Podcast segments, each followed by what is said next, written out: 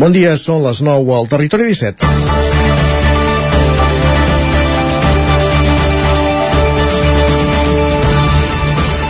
De la sorpresa a la indignació. És el que va provocar l'anunci que va fer aquesta setmana dimecres la consellera d'Acció Climàtica, Alimentació i Agenda Rural, Teresa Jordà, assegurant que el govern ha decidit congelar per l'any vinent la tarifa d'abastament en alta de la xarxa Ter Llobregat. D'aquesta manera es podrà garantir que l'augment de preus provocats per l'actual eh, context econòmic no repercutirà en el rebut de l'aigua. De tothom? No només dels que viuen en una zona molt concreta de Catalunya, l'àrea metropolitana, però també el Solsonès, la Noia o la Selva. Són les comarques que reben aigua de l'ens públic d'abastament d'aigua Ter Llobregat. Osona, el Ripollès i el Moianès en queden excloses. Les empreses que es dediquen al servei d'aigua en aquestes comarques alerten que s'ha disparat el preu de l'energia, del clor, els reactius i altres productes químics que són necessaris per tractar l'aigua dels rius.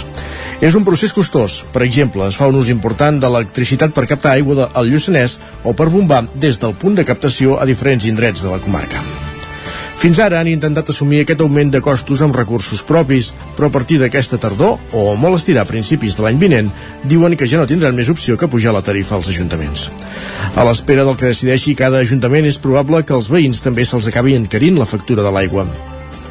L'anunci de la consellera en sessió parlamentària va en contra de la lluita contra el despoblament rural i el compromís amb l'equitat, que ha de permetre que una persona disposi dels mateixos serveis visqui on visqui, tal com recorda el vicepresident del Consell Comarcal d'Osona, Carles Benús, que també és el responsable polític de l'àrea del cicle de l'aigua. En el mateix sentit s'expressa des del Ripollès Joaquim Colomer, que recorda que en aquestes comarques sempre toca les de perdre, sigui amb carreteres, fibra òptica o sanitat serà molt difícil de justificar des del govern si finalment a les famílies d'Osona, el Ripollès i el Moianès se'ls apuja la factura de l'aigua i a les de l'àrea metropolitana no, gràcies a uns ajuts públics que provenen dels impostos, en aquest cas sí que equitatius, de tots els ciutadans. És divendres, 7 d'octubre de 2022. Comença el Territori 17 a la sintonia de Ràdio Cardedeu, la veu de Sant Joan, Ona Codinenca, Ràdio Vic, el 9 FM i també ja sabeu que ens podeu veure a través del 9 TV, Twitch i YouTube. Territori 17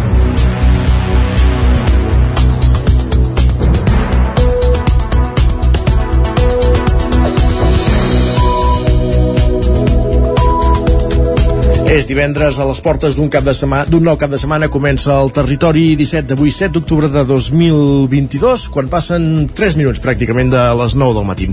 Fins a dos quarts de 10 us acompanyarem com cada dia amb les notícies més destacades de les nostres comarques també la previsió del temps d'en Pep Acosta avui amb especial interès perquè arriba el cap de setmana i alerta, diu que baixen les temperatures Repassarem les portades dels diaris abans de la pausa i a dos quarts de 10 en punt, tertúlia, avui amb Agustí Danés, Xus Medina, Guillem Freixa i Jordi Vilarrodà, tractant qüestions d'actualitat, de l'actualitat de les nostres comarques. Arribarem al punt de les 10 amb música. Més notícies a les 10, repàs meteorològic i agenda esportiva. Repassarem quins són els compromisos dels equips esportistes de les nostres comarques en connexió amb les diferents emissores que cada dia fan possible aquest programa, el Territori 17. A partir de dos quarts d'onze, la recta final del programa, la darrera mitja hora, ens acompanyarà en Jaume Espuny amb un dels seus clàssics musicals, amb una joia musical que portarà de la seva discoteca, que repassarem i escoltarem. Farem un repàs a l'agenda d'actes del cap de setmana a les nostres comarques i serà el moment de posar punt i final al territori 17 i començar el cap de setmana. Sense més preàmbuls, el que fem ara és posar-nos en dia, amb les, al dia, com dèiem, amb les notícies més destacades del territori 17, Osona, el Ripollès, el Vallès Oriental i el Moianès.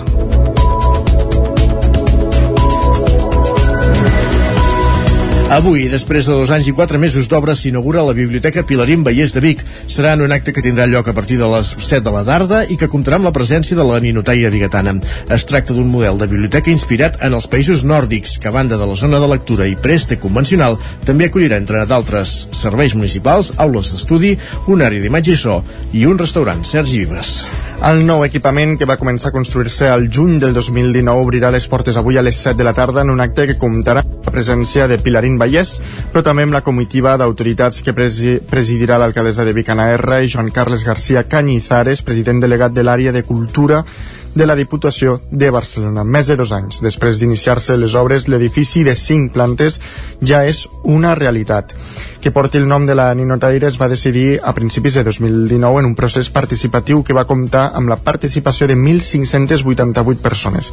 D'aquestes, un 30% van apostar perquè la nova biblioteca es, digui, es digués Pilarín Vallès, un reconeixement, segons Vallès, a la seva feina i trajectòria professional, però també a la llengua i a la cultura catalana.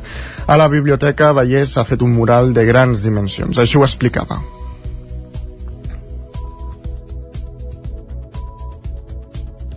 I, i he posat des de les mares i les àvies que expliquen històries i llegendes fins al que imprimeix els llibres, el que els ven, a la, la biblioteca que els deixa i els que els escriuen i els dibuixen. Per la Ninotaire, la posada en marxa de la nova biblioteca a l'antiga caserna de la Guàrdia Civil és un encert a dues bandes. D'una, perquè serà un espai pel record de, a les 10 víctimes de l'any 1991 que van perdre la vida, i de l'altra perquè tibarà veïns i veïnes de tots els barris de la zona sud de la, a la zona sud de la ciutat. Això ho explicava ella mateixa.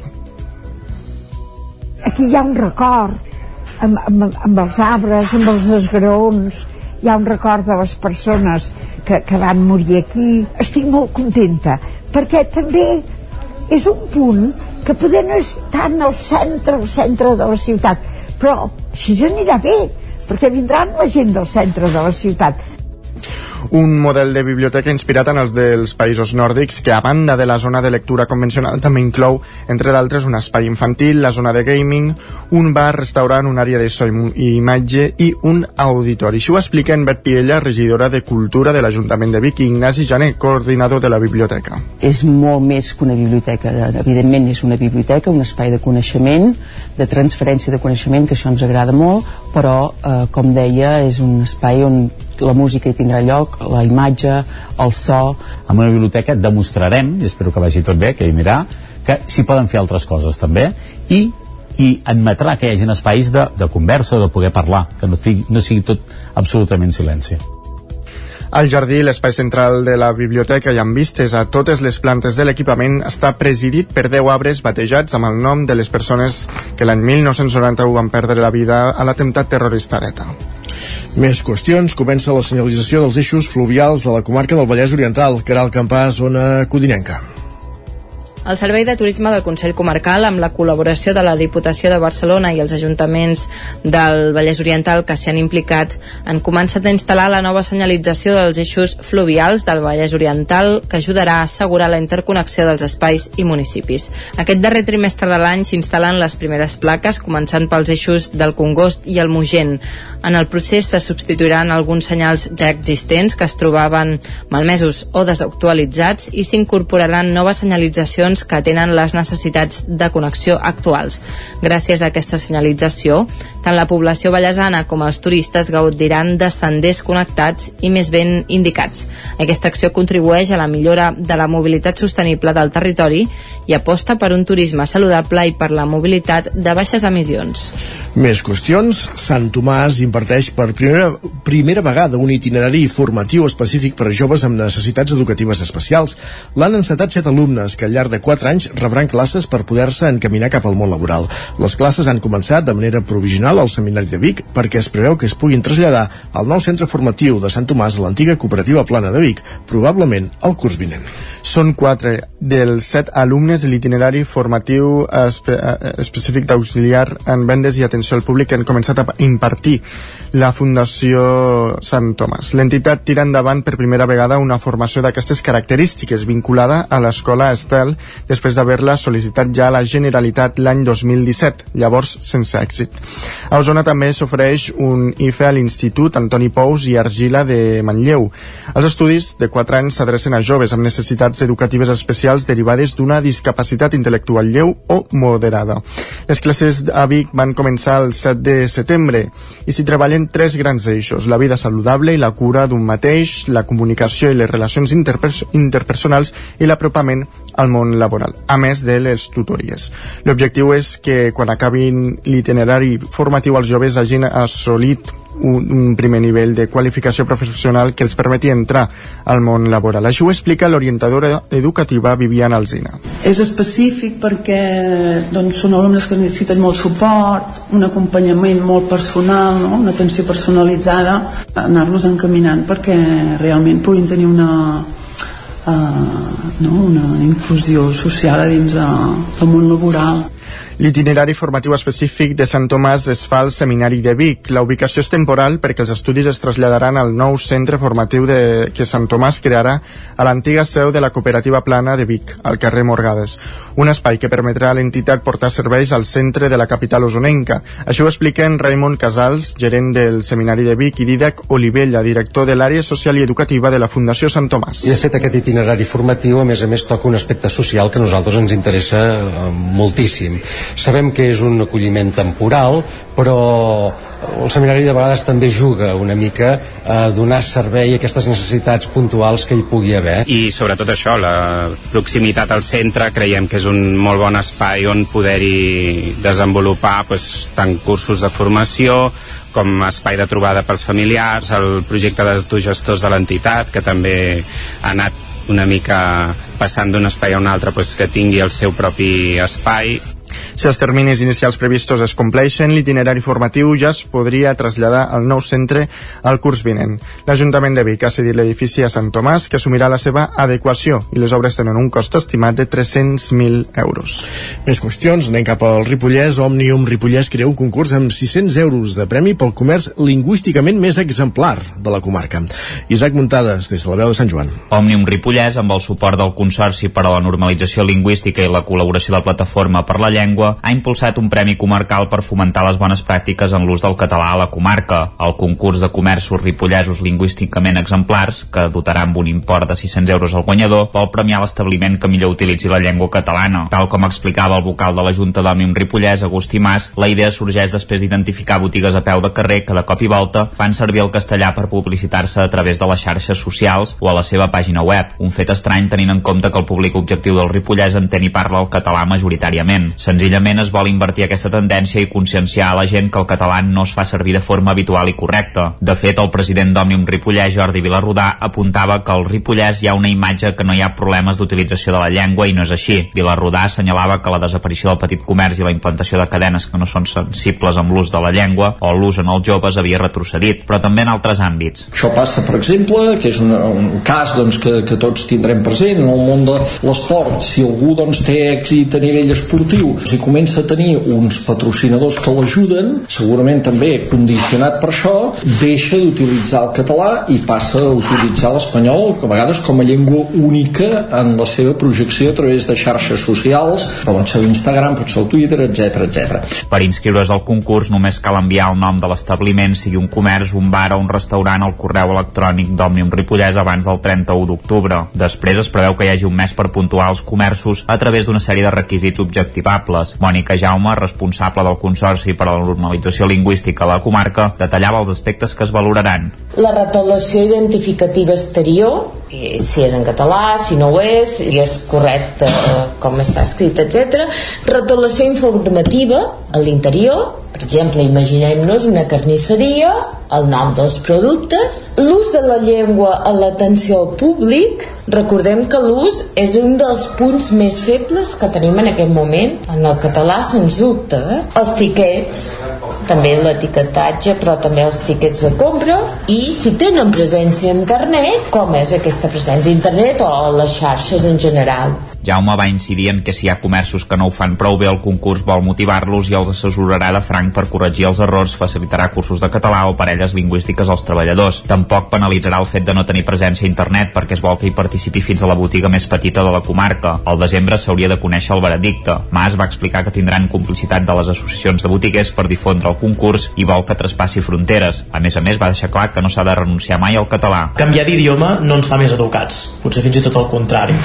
L'important de la comunicació és entendre's, però haver de renunciar a la teva llengua perquè creus que ets més educat o perquè ho faràs millor no és el camí encertat, perquè al cap i a la fi això ens perjudica a tots. I arribarà un dia que la llengua ja no serà necessària ni útil, per tant tampoc ningú la voldrà aprendre, per tant no es farà servir i, i haurem perdut un tret d'identitat molt important de, del nostre país i de la nostra comunitat. Òmnium Ripollès també està treballant per fer un concurs de joves influents en català que creïn contingut a les xarxes en aquest idioma que també estarà dotat amb un premi de 600 euros pel guanyador. Més qüestions. L'empresa de gestió energètica talla el subministrament al Club Natació Granollers que fa mesos que volia resoldre el contracte. L'Ajuntament de Granollers considera que ha incomplert la llei en tallar el servei en un equipament considerat, considerat essencial. Òscar Muñoz, Ràdio Televisió Cardedeu.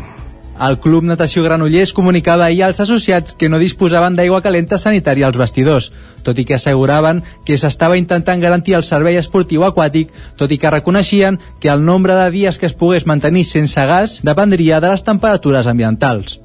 El president del Club Natació Granollers detallava que tot i el projecte d'estalvi energètic que s'impulsava a les instal·lacions al 2020 per reduir el consum, les factures elèctriques mensuals han passat d'uns 7.000 a uns 21.000 euros, mentre que les de gas també s'han triplicat de 20.000 a 60.000. Escandell recordava que aquest és el problema generalitzat als equipaments esportius d'aigua del país i agraïa a l'administració local.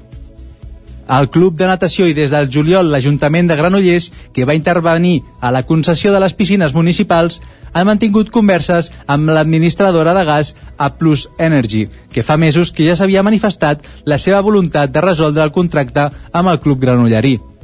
De fet, el president del club, l'Eduard Escandell, explicava que el tall del subministrament es produïa poc després de conèixer una sentència contra la voluntat de l'empresa de resoldre el contracte i que la condemnava a pagar les costes judicials. En el procediment judicial engegat fa mesos, A Plus també reclamava 400.000 euros al Club Natació Granollers. Amb tot, ni el club ni l'Ajuntament han detallat quin és el deute municipal amb l'empresa subministradora.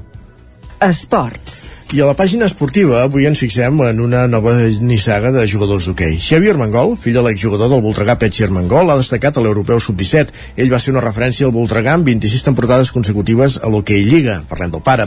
Ara és el tro, torn del seu fill, a qui li és impossible deslligar-se del sobrenom esportiu de Petxi Armengol, del seu pare. Estem parlant d'una nova nissaga, com dèiem, de l'hoquei usonenc. Per alguns és en júnior i per al d'altres simplement en Petxi. I és que a Xavier Armengol Medrano li és impossible deslligar-se del sobrenom esportiu del seu pare, el Xavier Armengol Serrat, des de que va decidir seguir les seves passes i començar a jugar a hoquei patins. El jove de 16 anys milita al júnior del Voltregà Motor i després d'haver estat en una preselecció la temporada passada, enguany ha estat escollit per formar part del combinat estatal sub-17 juntament amb el porter rodenc de Caldes i en Garcia, amb qui s'ha proclamat campió d'Europa. Un títol que el seu pare va aixecar dues vegades com a júnior, mentre que després hi va sumar dues copes llatines i un torneig de Montró.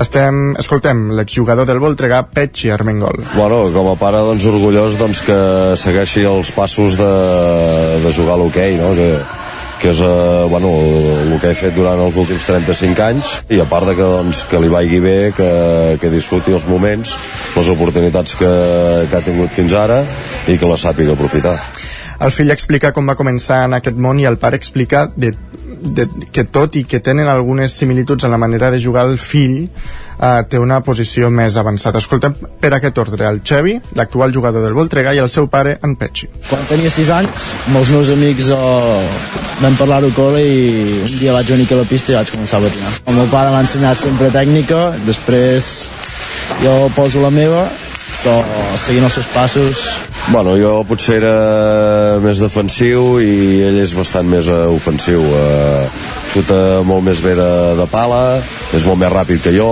uh, és una mica més alt i ja et dic uh, avui en dia no està tan definit defensa o davanter, però és més davanter que, que defensa.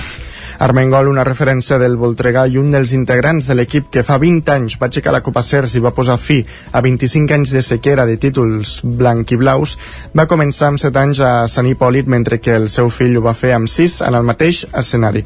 Un nou petxi amb ganes de continuar progressant en un esport on el seu pare va ser una referència amb 26 temporades consecutives de l'Hockey Lliga. Acabem aquí aquest repàs informatiu que començàvem al punt de les 9 en companyia de Sergi Vives, Òscar Muñoz, Isaac Muntades i Caral Campàs. Moment ara mateix al territori 17 de conèixer la previsió del temps.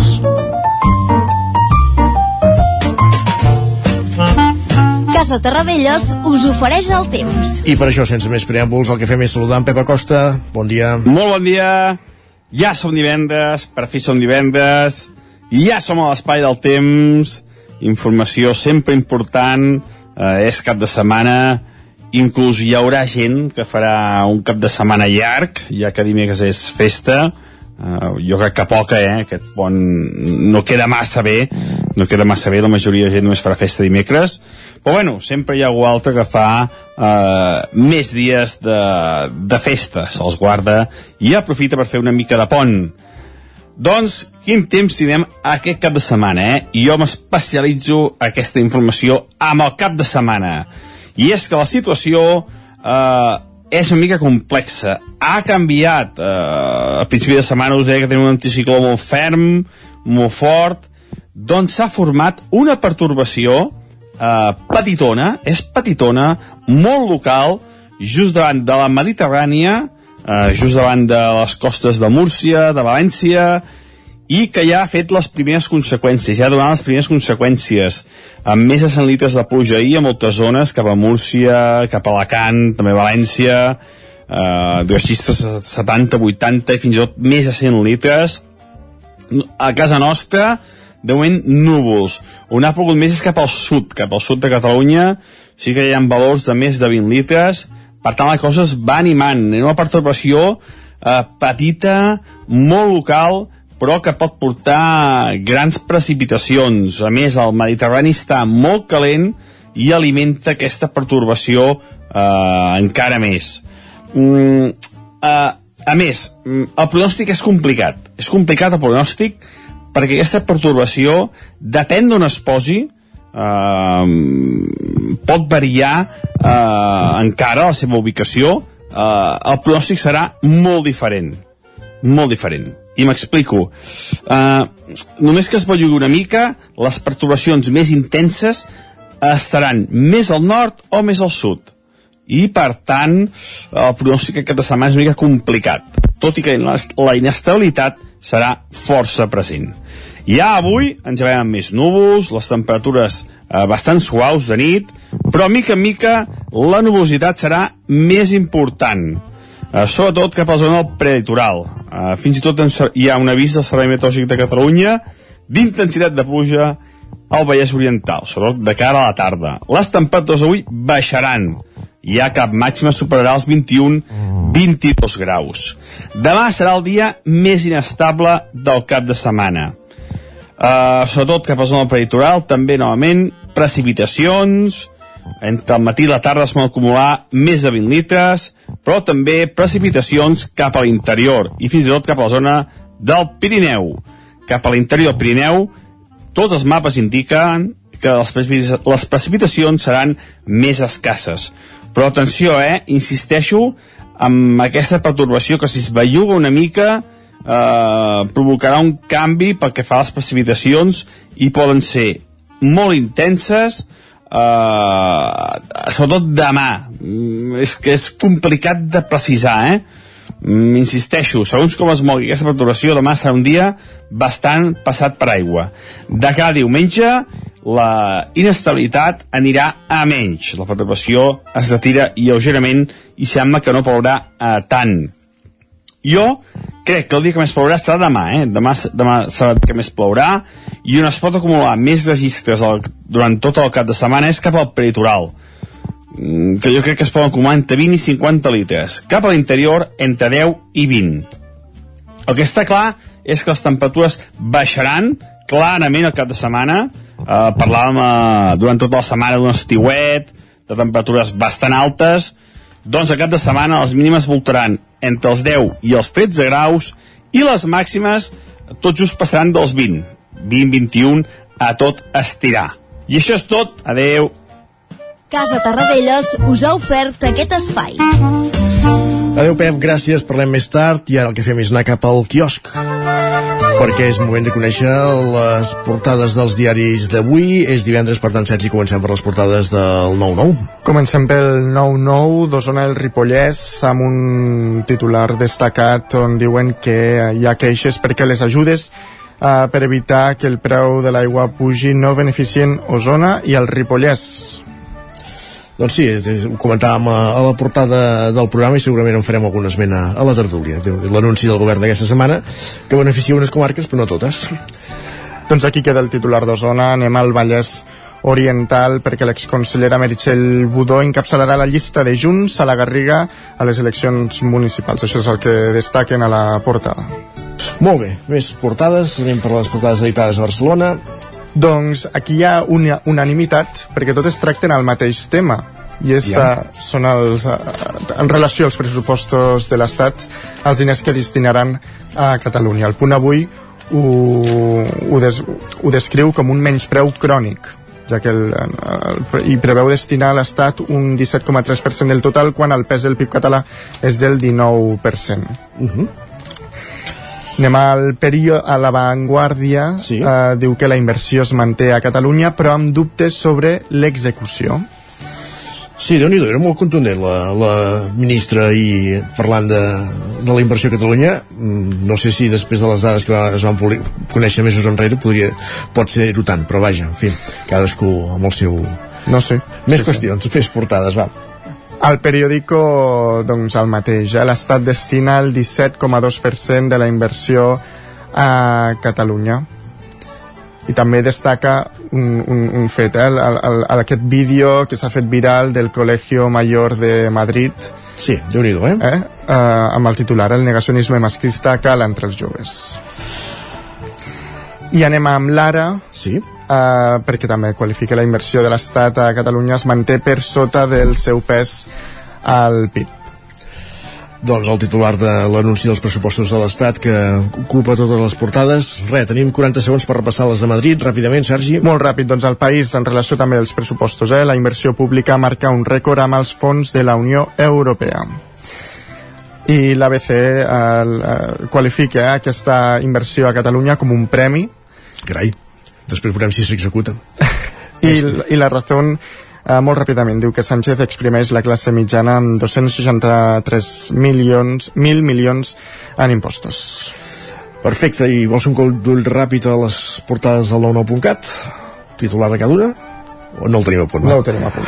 doncs va, fet el repàs a les portades, el que fem és una pausa i serà temps de tertúlia aquí al Territori 17. Tot seguit ens acompanyen a l'estudi del 9FM, Jordi Vilador Rodà, Agustí Danés, Guillem Freixa i des de la redacció del 9-9 del Vallès Oriental en Xus Medina.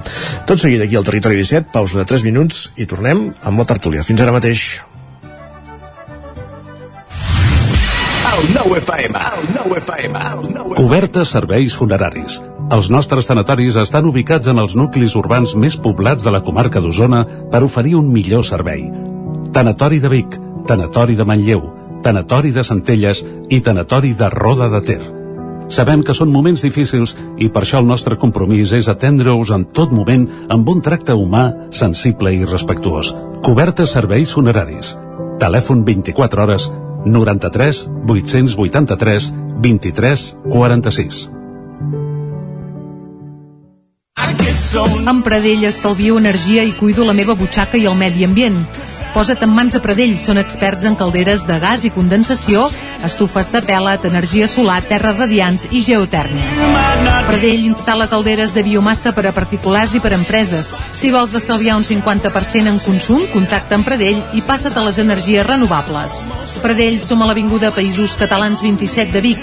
Telèfon 93 885 1197. Pradell.cat.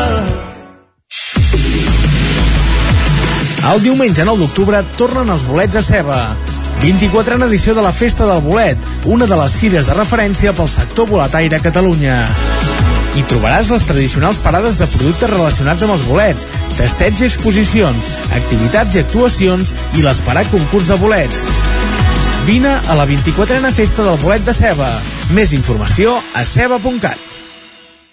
A Rialtec som especialistes en instal·lacions fotovoltaiques, aerotèrmia, clima i instal·lacions integrals pel teu habitatge o la teva empresa. Demana el teu pressupost sense cap compromís. Rialtec. Ens trobaràs al carrer Narcís Monturiol 22 de Gurb i al telèfon 93 131 1796. A la Rosseria de Vic et portem sopar i espectacle. Dissabte vine a gaudir d'un menú especial mariner i de les habaneres del grup Xarxa. Navalles gallegues, bunyols de bacallà, rossejat de xipirons i escopinyes, tonyina fresca i molt més. Directament des de la llotja d'Arenys de Mar a la nostra cuina. Ho trobaràs per només 45 euros el 8 d'octubre al sopar i espectacle de la Rosseria de Vic. Fes la teva reserva per telèfon al 93 885 68 39. No t'ho perdis. Cocodril Club. Si t'agrada la bona música dels anys 60, 70 i 80, escolta el 9 FM els matins de dissabtes i diumenges d'11 a 1. És el temps del Cocodril Club, tot un clàssic de la ràdio, amb les bases del pop-rock, les llegendes, les cançons que s'han convertit en autèntics himnes. Recorda, dissabtes i diumenges al matí, d'11 a 1, al 9 FM 92.8. Cocodril Club, el programa revival de l'Albert Malla. Hasta luego, cocodrilo. En punt ara mateix, en punt ara mateix al territori 17, dos quarts de deu. Temps de tertúlia.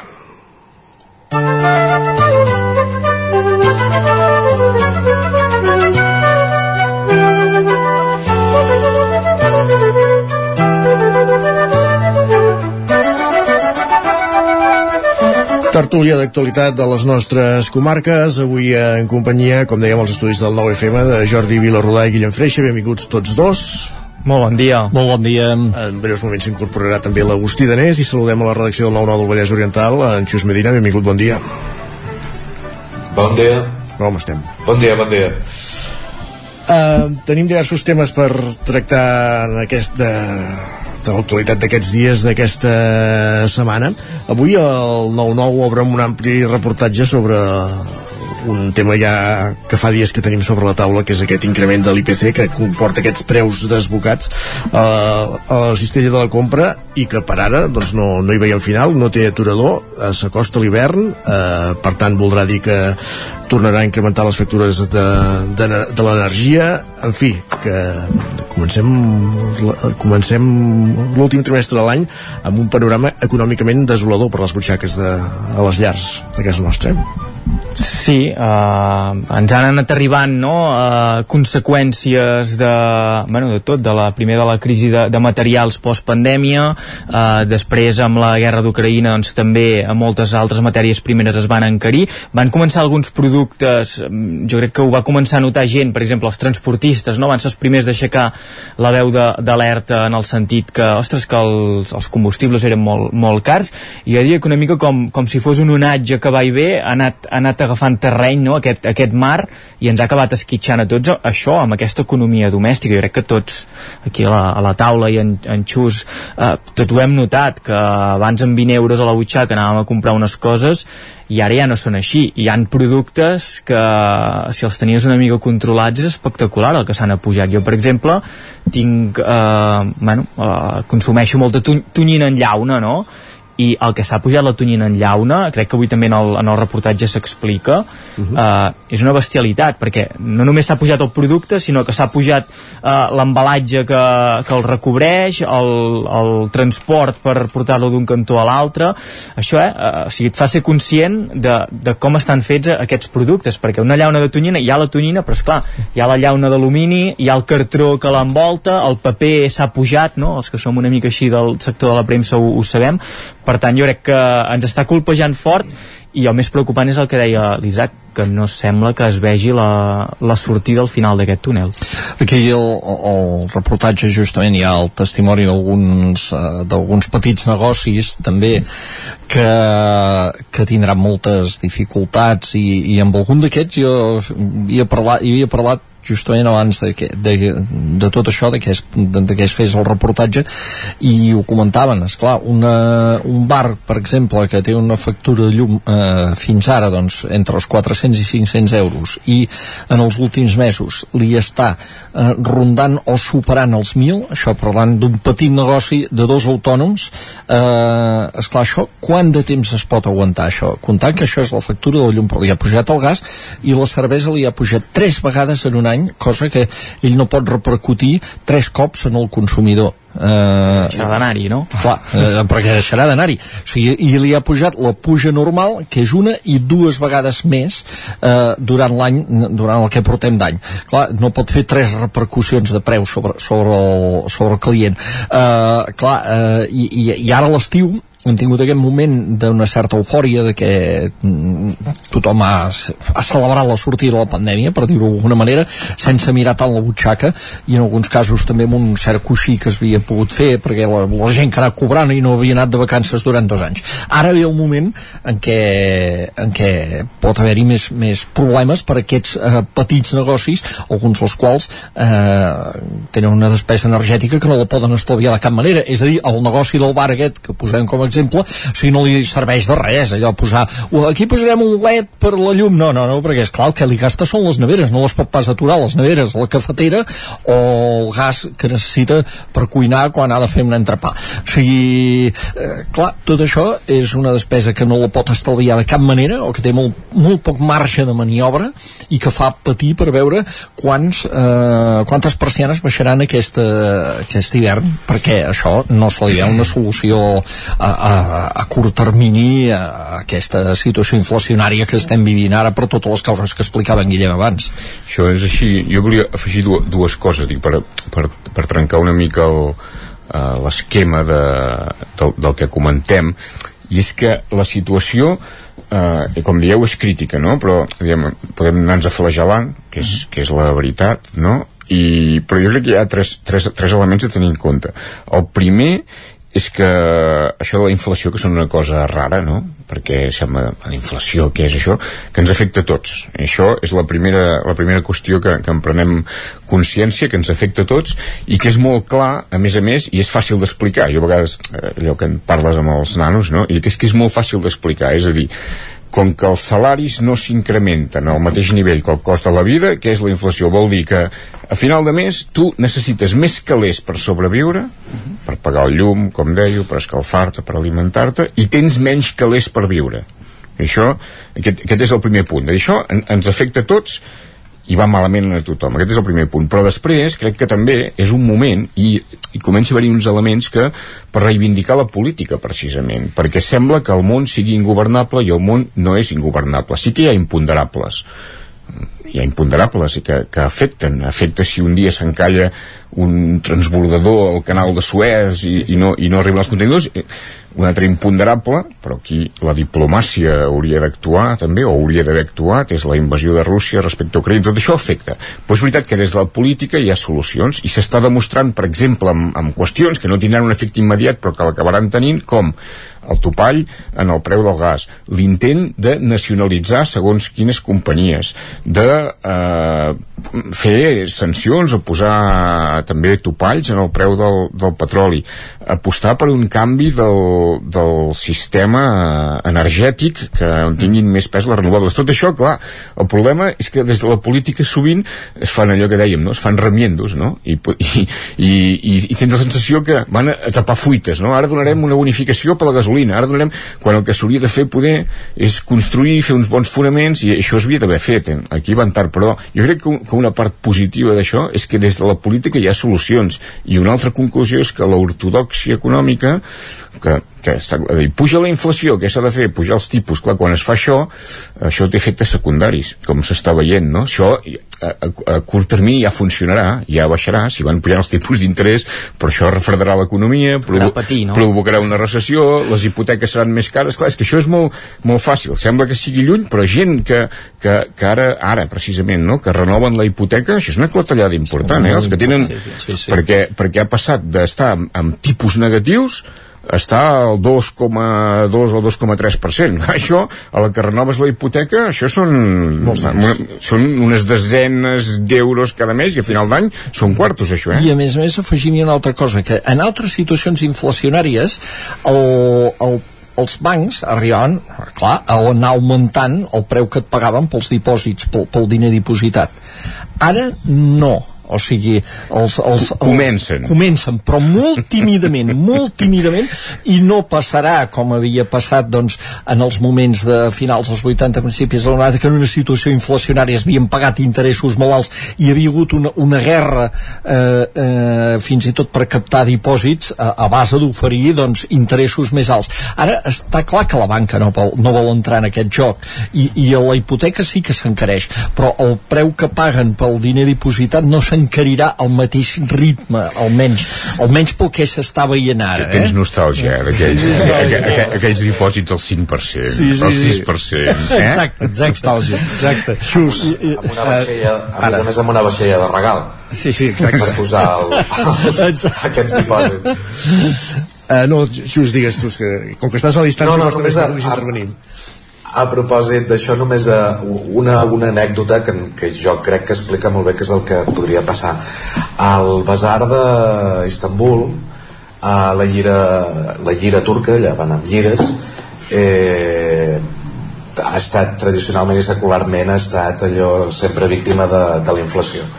Doncs els lloguers de les parades del, que no sé si encara es fa però els lloguers de les parades del basar d'Estambul es cobraven en or és a dir, independentment del que costés la llira eh, el llogater a tu et cobrava X eh, grams d'or cada mes perquè això volia dir que no havia d'estar calculant eh, exactament què és el que, quin cost o quin valor tenia, tenia la llira estem parlant de que eh, hi ha hagut èpoques en què la inflació a Turquia ha estat del 200 i del, i del 300% és a dir, una cosa bastant semblant al que estava passant, per exemple, a Alemanya durant, durant els anys 20 i que també va explicar just abans de la- l'arribada de, de Hitler al, al poder i de que guanyés les eleccions que aleshores allò vulguis o no tens una mica allò la sensació de, de, de el, és molt important el tema aquest de, de l'IPC i el tema de la inflació perquè la,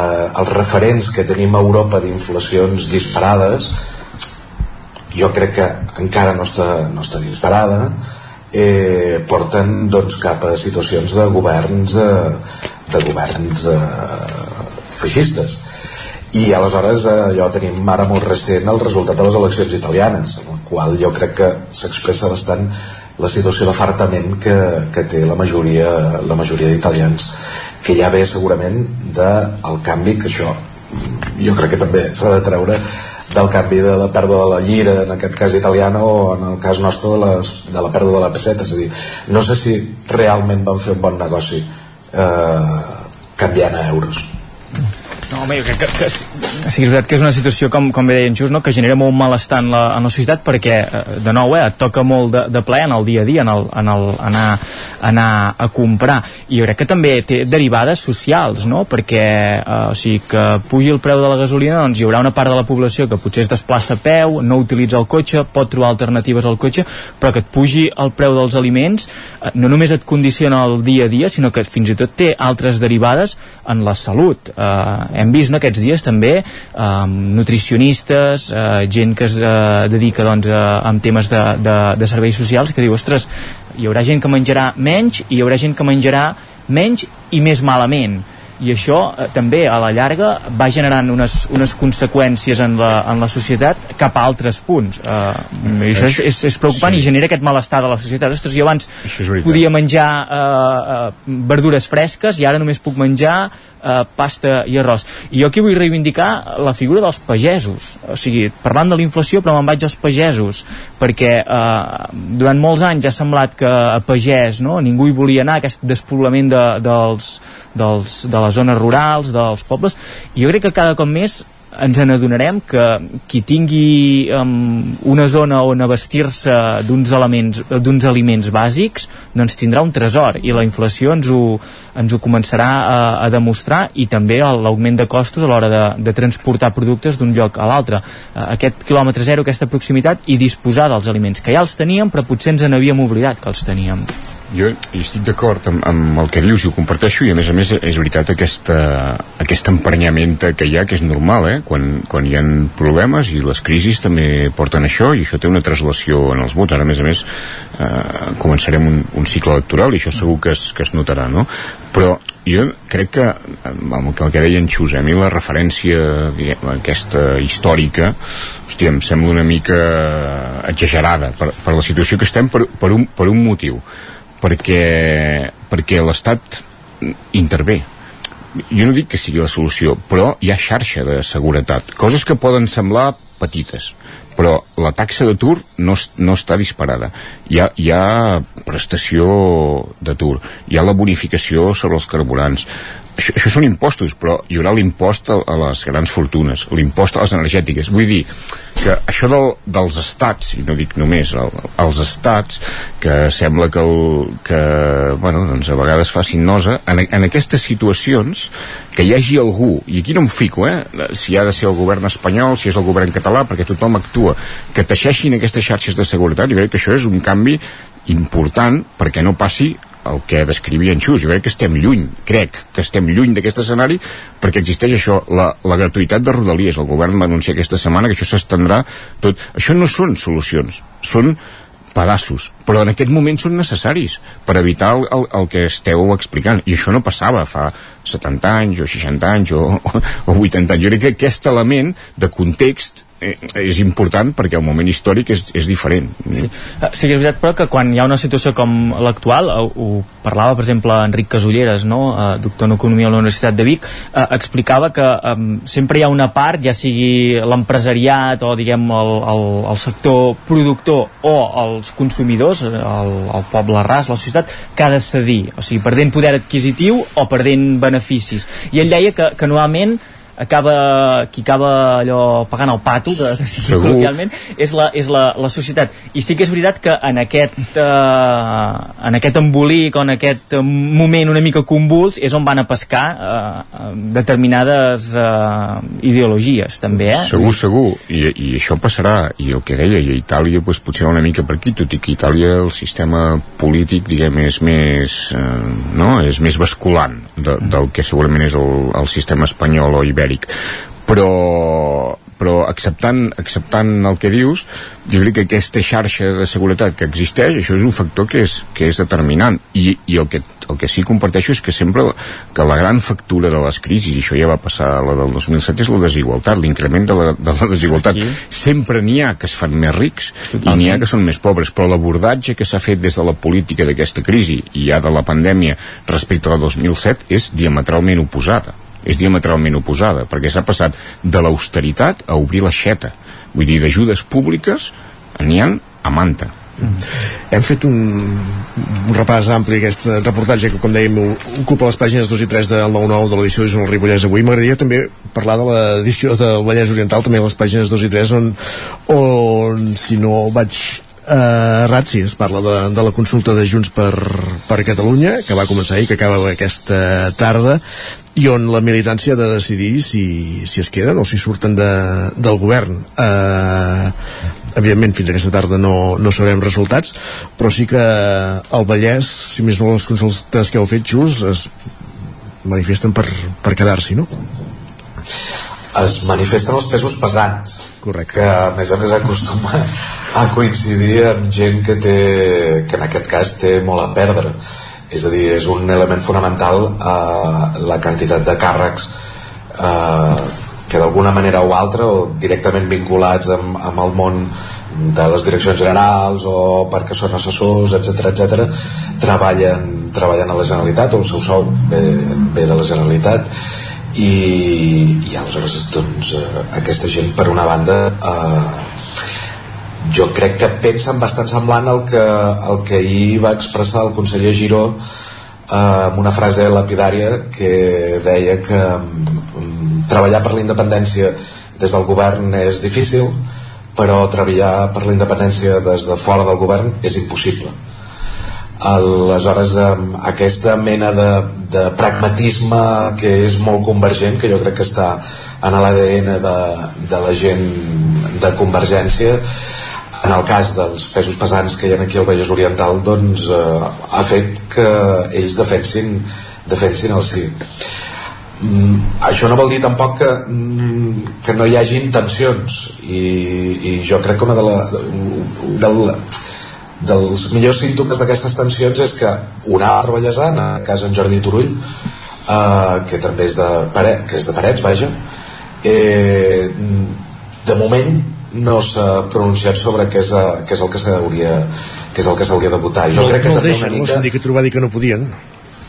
La, la NR tampoc s'ha manifestat. Exacte. Sí, sí. sí. No sé, de tota manera jo crec que pot passar qualsevol cosa eh? Vull dir, uh, també és veritat que segurament aquesta, el, el resultat d'aquesta d'aquesta consulta servirà per veure o, per, o per, en realitat per certificar que el món de Twitter, el món de les xarxes socials no té res a veure amb el món real eh, però veurem o potser sí, eh? potser jo m'haig de menjar aquestes paraules i dir, no, no, la militància, tots els, tota la gent que està votant realment respon doncs, amb aquest eh, bulliment que hi ha doncs, en xarxes socials o, o que, que hi ha en, el, en els cercles d'opinió de tot l'entorn de Junts. Jo, com deia, com deia l'altre dia, eh, comentava el Francesc Marc Álvaro a Twitter, deia que el, el resultat de la consulta, vaig pensar que estava molt d'acord, deia el resultat és imprevisible, el que pot passar. L'única cosa que estava segur, de, deia, és que estan rostint en Jordi Turull a foc lent. Eh, i, i, I fins i tot sap greu per ella les tensions que deu estar aquest home aguantant aquests dies. Eh, eh, la incertesa sobre això, eh, per mi, no, ve de que eh, com deia en Xus, hi ha, hi ha aquest ADN convergent, però és clar, eh, Junts no és convergència. O sigui, encara que la caricatura també des dels de, altres partits sigui dir-los convergents, perquè així és convergent, sona com una cosa antiga de Pujol, eh, no sé què. Però clar, eh, Junts no és convergència. Hi ha un pilot de gent que eh, milita i que primerament ja va haver militants que no van entrar a Junts dels que en l'antiga Convergència es van quedar al PDeCAT o es van quedar a casa. Però a més a més hi ha tota una sèrie de de gent eh, que, que, que té un pes en la militància, no sé si en els càrrecs, però sí en la militància, que, que, que no ve d'aquesta cultura i que al contrari són absolutament rupturistes. I per tant, aquí està la incògnita per veure quin pes tindran. Fins ara, en les eleccions internes que hi ha hagut al partit, normalment el sector, diguem, turullista, per entendre's, ha anat guanyant eh, aquest sector més realista, més, eh, diguem, de, de, de, de real polític, ha anat guanyant amb els, amb el sector doncs, que podia encarnar més doncs, el Laura Borràs i els seus partidaris. Però en aquesta consulta jo crec que eh, és, és, és una incògnita saber quin dels dos tindrà més pes. I no oblidem això que Junts no és Convergència que hi ha una sèrie de gent que eh, és nova en, en política i ha arribat eh, o va arribar a Junts amb una amb un ànim doncs, mm, és a dir, pensant en la independència com a objectiu i que si pel camí doncs s'ha de trencar un pacte de govern o s'han de perdre uns càrrecs, no els hi ve d'aquí. Eh, i són els que voten, voten tots no només els càrrecs que estan interessats segurament a conservar també el seu, el seu lloc dintre de la política. I, i per tant d'aquí ve la incògnita, a veure a partir d'aquesta tarda a veure què, què passarà i fins i tot eh, si després d'això en una segona fase això pot, eh, podria acabar amb una, amb una crisi que portés una divisió dintre de, o sigui, una decisió, vaja no una divisió dintre el partit, aquesta ja hi és una decisió, volia dir i quina porra fas? No, no, no, soc capaç, no sóc capaç de fer-la. No, una perquè... porra sí. Que no, no, no sóc capaç, capaç de fer-la perquè... Dir si el Barça passarà perquè, la fase de grups de la Champions. No hi ha, no hi ha precedents, de, de, no hi ha precedents d'això. No, no hi ha cap precedent d'una situació així en un partit que, que sotmeti aquesta decisió. Sí, home, hi ha el precedent aquell de la CUP i l'empat, però val més no esmentar-lo, però no crec que empatin aquesta vegada. Uh, uh, de fet, sí que hi ha un precedent, que és aquell. Però, en fi, esperem que no sigui el, el, el model. Eh, no, no, se'm fa molt difícil fer una, un, una fer una, no sé, una projecció de veure què pot passar. Aquest militant del no, de trencar, està molt mobilitzat, eh, també. Sí. Està molt mobilitzat. I déu nhi la participació que deien que hi havia avui ja, bueno, ahir, vaja, quan, quan es va acabar, doncs es va fer el recompte, o sigui que, que si avui continua, doncs sí, serà, serà una participació relativament alta. Mm. Jo, Junts no, no és Convergència, però sí que en són, en són hereus, ho hem, ho hem sentit, per exemple, el ple de Vic, però el ple de Vic, per exemple, sí. dilluns passat va sortir aquesta mateixa qüestió i, i Anna R va dir eh, en som hereus i, i amb, molt, amb molt orgull, vull dir, hi ha una part que, que sí que, que en són hereus i jo crec que ara estem davant d'una altra eh, pantalla eh, en aquest mosaic que s'ha anat com eh, trencant eh, de l'espai post-convergent i que en funció de com vagi el resultat, com bé deies, potser ens trobarem en una altra escissió. Eh, jo crec que el principal problema, o el que deuen estar pensant és que no surti molt igualada la, la, la, la consulta, Exacte. perquè si surt molt igualada sí que hi haurà un, un xoc de, de, de, bueno, de, de sensibilitats. Sí, sí, sí. Si una de les dues parts doncs, guanya amb, amb molt pes, jo crec que hi haurà un seguit de persones que hauran o de fluixar o, o marxar eh, del, del partit. Si queda molt igualat, sí que aquí hi haurà un xoc i s'haurà de veure com, com evoluciona.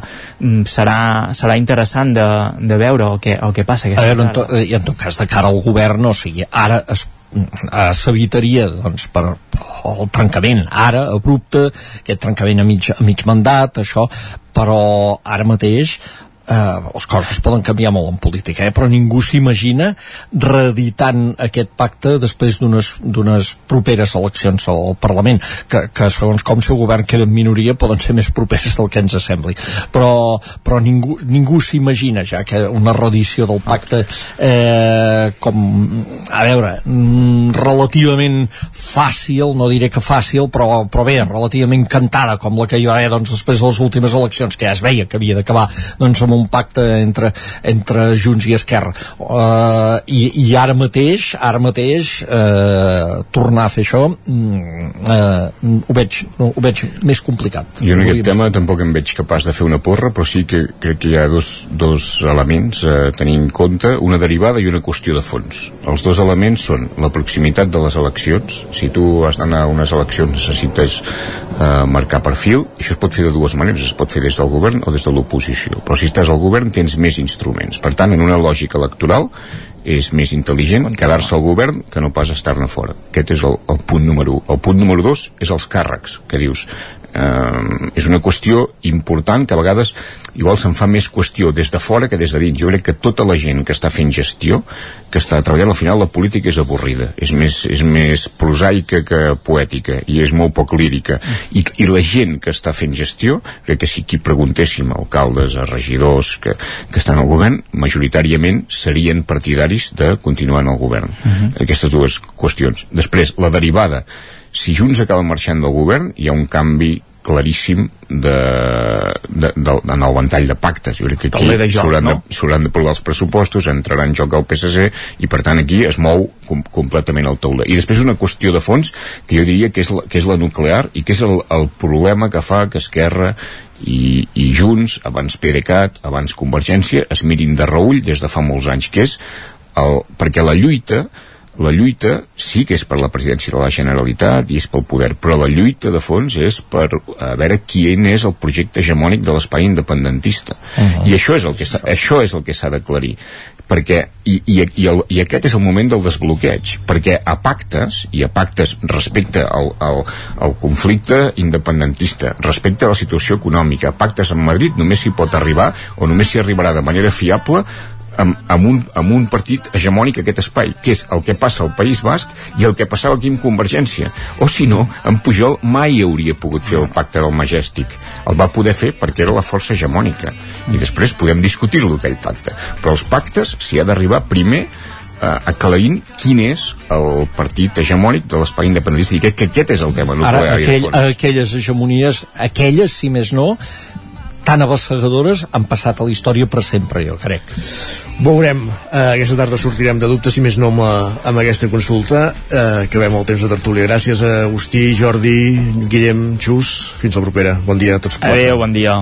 Adéu, bon dia. Adéu, i com cada dia eh, arribem als 10 amb música. I ho fem amb música avui de Marcel i Júlia aquest duet establert a Manlleu i que és un dels caps de cartell del festival Inspira, aquest festival inclusiu del qual parlàvem ahir a l'entrevista que promou la Fundació MAP. Marcel i Júlia, un dels caps de cartell com que dèiem després dels catarres demà a dos quarts d'onze de la nit a la Devesa del Pla de Ripoll. Ara que ja té colors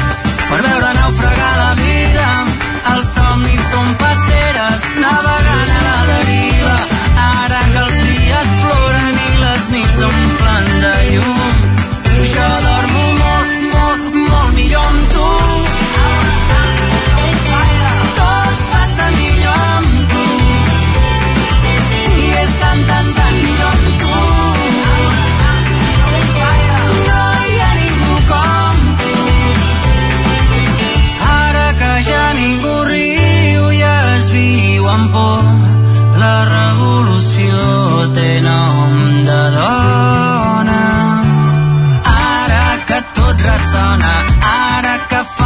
peces, ara que res s'encaixa.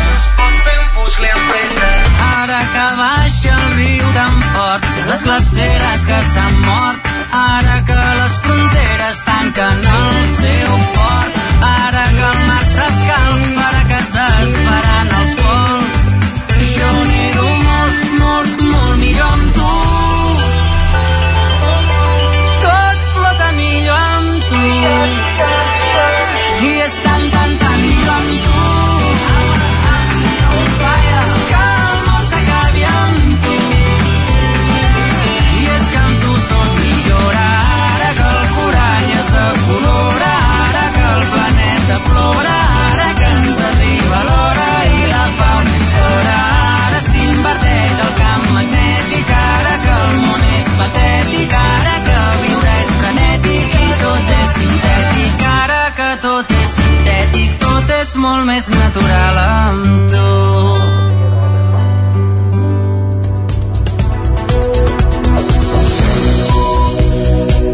és moment al territori 17 d'actualitzar-nos, de posar-nos al dia amb les notícies més destacades de les nostres comarques. Ho fem connexió amb les diferents emissores que dia a dia fan possible aquest programa. Ona Codinenca, La Veu de Sant Joan, Ràdio Cardedeu, Ràdio Vic, el 9FM, també ens podeu veure a través del 9TV, de Twitch i de YouTube.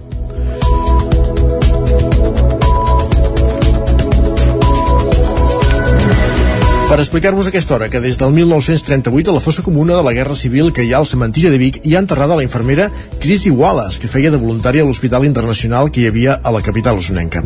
Ara una recerca del biguetà Manel Montero ha permès al fill de la infermera, de 86 anys, descobrir qui era la seva mare, Sergi Vives. Des de fa més de 80 anys reposa en una fosa comuna del cementiri de Vic i el seu nom apareix a la placa que recorda els brigadistes internacionals que van morir al seu pas per la ciutat. Es tracta de Chrissy Wallace, una dona que va tenir un enterrament dignes d'una reina, segons testimonis de l'època. La descripció de la cerimònia va cridar l'atenció del bigatà Manel Montero, que l'ha fet una recerca. Així ho explica.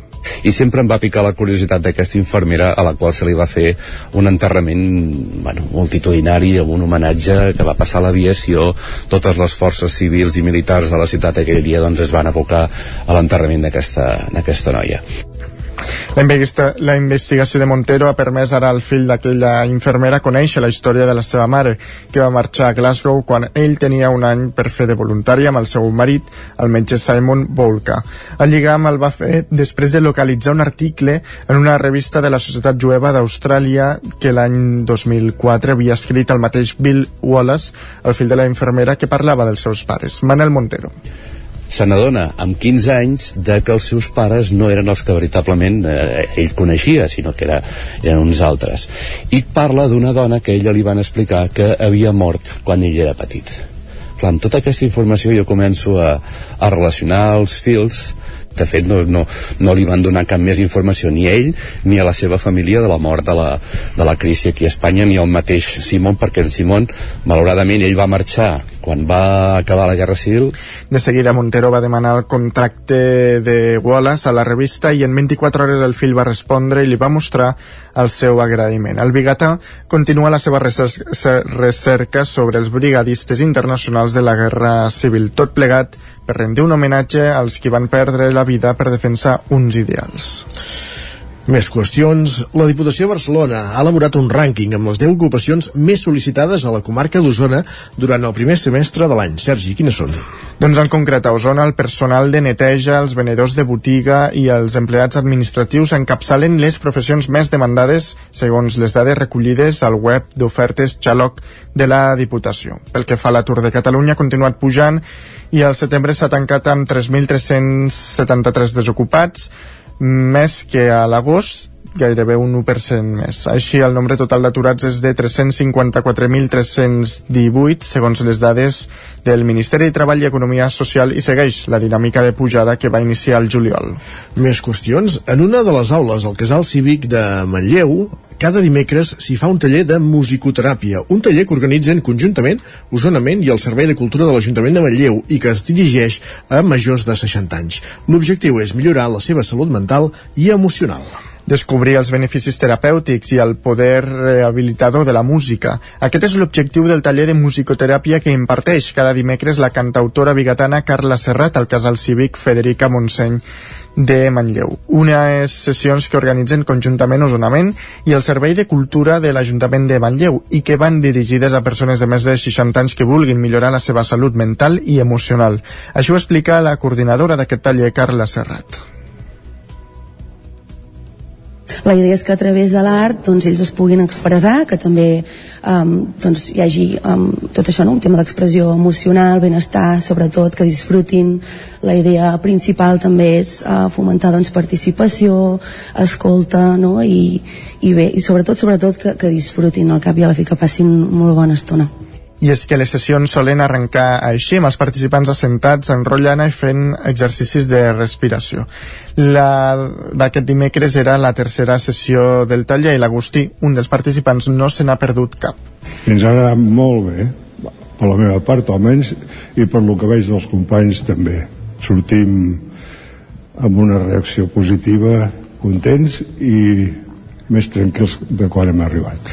La Carmen va decidir-se a participar al taller perquè li interessa la música i forma part d'una coral. El que no es pensava, però, és que aquesta estona del dimecres s'acabaria convertint en un espai de pau i reflexió. Això ho explicava. Primer perquè canto en una coral, sempre m'ha agradat molt la música i bueno, volia saber de què anava. A més a més, tinc un fill malalt mental que no es va medicar durant 15 anys és pintor, però sí, pinta molt, pinta molt, pinta molt, però tot queda dintre de casa perquè té molta por a sortir fora i fer exposicions i pensava que això m'aniria bé per la meva tranquil·litat, les meves emocions, perquè amb aquell fill vaig patir molt, moltíssim.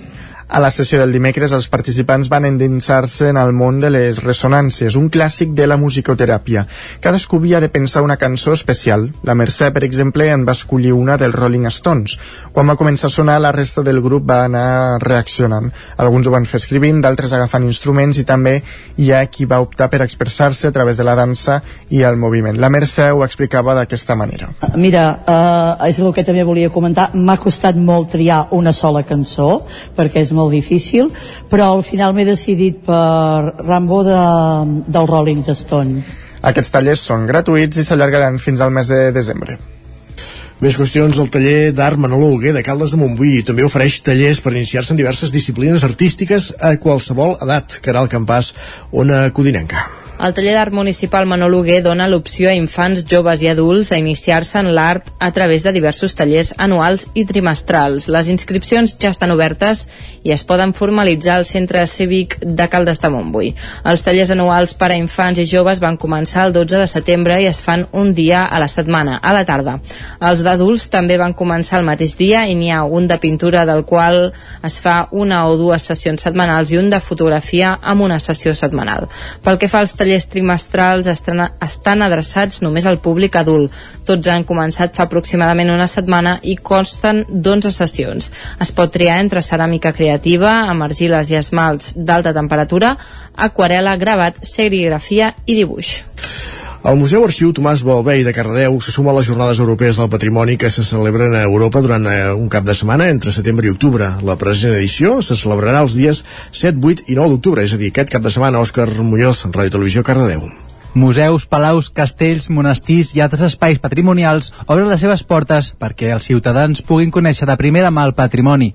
Enguany les jornades europees de patrimoni se celebren sota el lema Patrimoni i Sostenibilitat i ens conviden a reflexionar sobre la protecció del nostre patrimoni, material, immaterial i natural i explorar l'ús dels recursos en relació amb la seva preservació en un context marcat pel canvi climàtic. A Cardedeu, al llarg del cap de setmana, l'entrada del museu serà gratuïta i s'oferiran dues visites guiades per les seves sales, dissabte a les 6 de la tarda i diumenge a les 12 del migdia.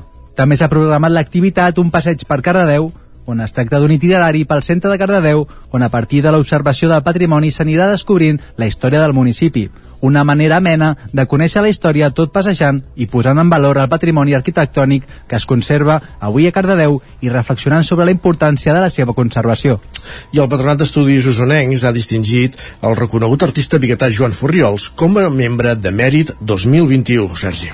L'acte es va fer al Temple Romà de Vic dijous passat. Es va projectar una, un vídeo que mirava de sintetitzar la llarga i sòlida trajectòria de l'artista biguetà Joan Furriols Un sentit reconeixement que casualment va fer coincidir dues efemèrides, tal com va recordar el mateix Furriols.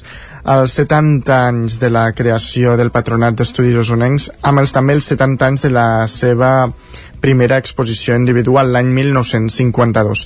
Fidel a la seva discreció i poc amant de parlar en públic, Furriols es va limitar a agrair a l'entitat la generositat d'aquesta distinció. Qui sí que va parlar d'ell va, per posar en valor la seva trajectòria va ser el reconegut artista plàstic i escriptor Antoni Llena, que no va dubtar a qualificar Furriols d'artista modern. Entre el públic hi havia alguns noms propis de la cultura bigatana, a banda del rector de la UBIC, Josep Eladi Baños i el president del Consell Comarcal, Joan Carles Rodríguez. I un últim apunt, el camp de futbol de Ribes de Freser es batejarà amb el nom d'Enric Requena. Isaac Muntades, des de la veu de Sant Joan. Per unanimitat, en el darrer ple de la corporació, el camp de futbol municipal de Ribes de Freser passarà a denominar-se Enric Requena, un personatge clau en la història de l'esport ribetà que va morir l'any 2016 amb 83 anys i va deixar un llegat enorme pel municipi. Requena era un apassionat del futbol des de ben jove. Amb 15 anys ja jugava a l'equip del poble i per poder disposar d'unes equipacions decents, amb una colla d'amics de l'antiga colònia de Can Recolons van fer funcions amb Puignelis per recaptar diners i comprar-les. L'any 1954 va néixer la Unió Deportiva Ribetana amb Pere Bonada de president i ell n'era el delegat. Van estar 3 anys jugant a la categoria d'aficionats fins que el 1957 van començar a competir a l'antiga tercera regional catalana. L'any 1960 van disputar el Campionat de Catalunya i van eliminar el Mataró a la primera ronda. Només els va frenar el Futbol Club Barcelona en la següent eliminatòria en un partit jugat a les Corts. La temporada 1966-67 la Ribetana va ascendir a la segona regional però va baixar dues temporades després i va desaparèixer. L'any 1970 se li va retre un homenatge per impulsar la construcció dels vestidors del camp de futbol, ja que els inicials eren on hi ha ara la piscina, amb uns col·laboradors també feia de jardiner i cuidava la gespa natural del camp. L'alcaldessa Mònica Sant Jaume, que va llegir la seva biografia al ple,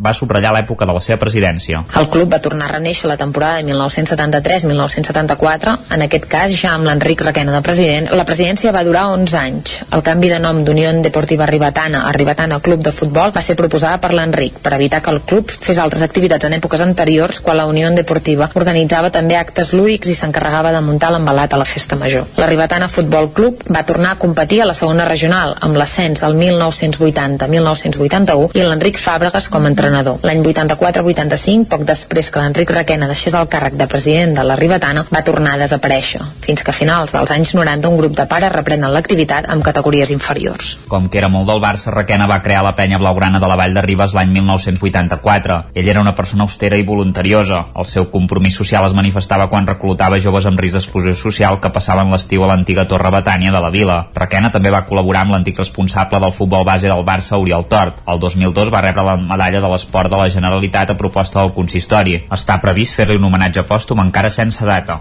Gràcies, Isaac, amb aquesta informació, que amb aquest repàs que començàvem a les 10 en companyia d'Isaac Muntades, eh, Òscar Muñoz, Caral Campàs i Sergi Vives. Moment ara de fer un repàs a la previsió del temps. Casa Terradellos us ofereix el temps. I un repàs a la previsió del temps que fem com cada dia amb en Pep Acosta. Com, què hem de preveure aquest cap de setmana? Fred? Molt bon dia. Ja avui ens veiem amb més núvols, les temperatures eh, bastant suaus de nit, però mica en mica la nuvolositat serà més important.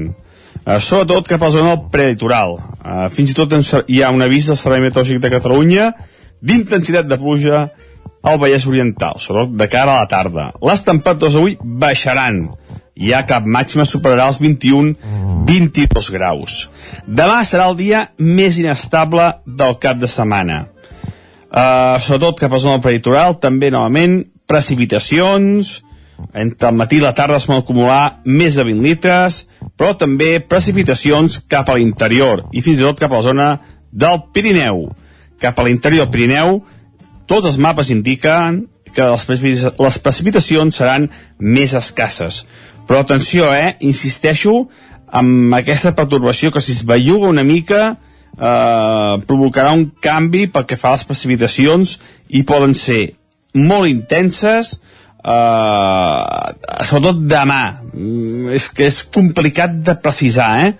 Mm, insisteixo, segons com es mogui aquesta perturbació, demà serà un dia bastant passat per aigua. De cada diumenge, la inestabilitat anirà a menys. La perturbació es retira lleugerament i sembla que no plourà eh, tant. Jo crec que el dia que més plourà serà demà, eh? Demà, demà serà que més plourà i on es pot acumular més registres al, durant tot el cap de setmana és cap al peritoral mm, que jo crec que es poden acumular entre 20 i 50 litres. Cap a l'interior, entre 10 i 20. El que està clar és que les temperatures baixaran clarament el cap de setmana. Eh, parlàvem eh, durant tota la setmana d'un estiuet, de temperatures bastant altes, doncs el cap de setmana les mínimes voltaran entre els 10 i els 13 graus i les màximes tot just passaran dels 20, 20-21 a tot estirar. I això és tot. Moltes gràcies. Fins dilluns. A tu, Pep. Gràcies. Fins dilluns. Bon cap de setmana. Coneguda la previsió del temps, ja ho sabeu, abrigar-vos i estar pendents del cel aquest dissabte. Uh, coneguda la previsió del temps, avancem i anem a fer un repàs a l'agenda esportiva del cap de setmana. Casa Tarradellas us ha ofert aquest espai.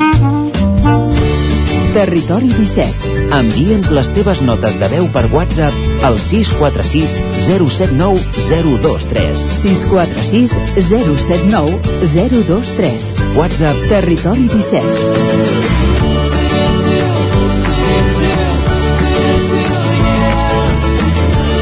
Territori 17. Som a Facebook, Twitter i Instagram amb l'usuari Territori 17.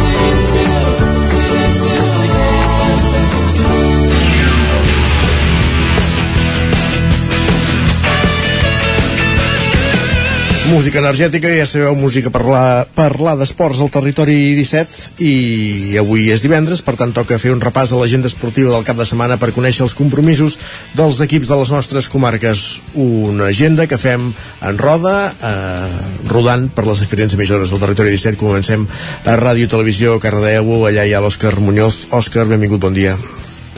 Bon dia. Doncs comencem el repàs esportiu a la segona catalana amb el futbol, ja que aquest diumenge el primer equip eh, de futbol, el Cardedeu, rep el Sant Pol a un quart d'una del migdia. A priori, doncs, un partit més assequible, ja que el Cardedeu ha guanyat tot des que ha començat aquesta lliga i el Sant Pol doncs, només ha pogut amb un empat. Així que, doncs, a priori això. Pot haver-hi sorpresa, però en teoria aquí el Cardedeu és superior. Doncs esperem, Ara anem... dilluns en parlarem, d'acord? Exacte.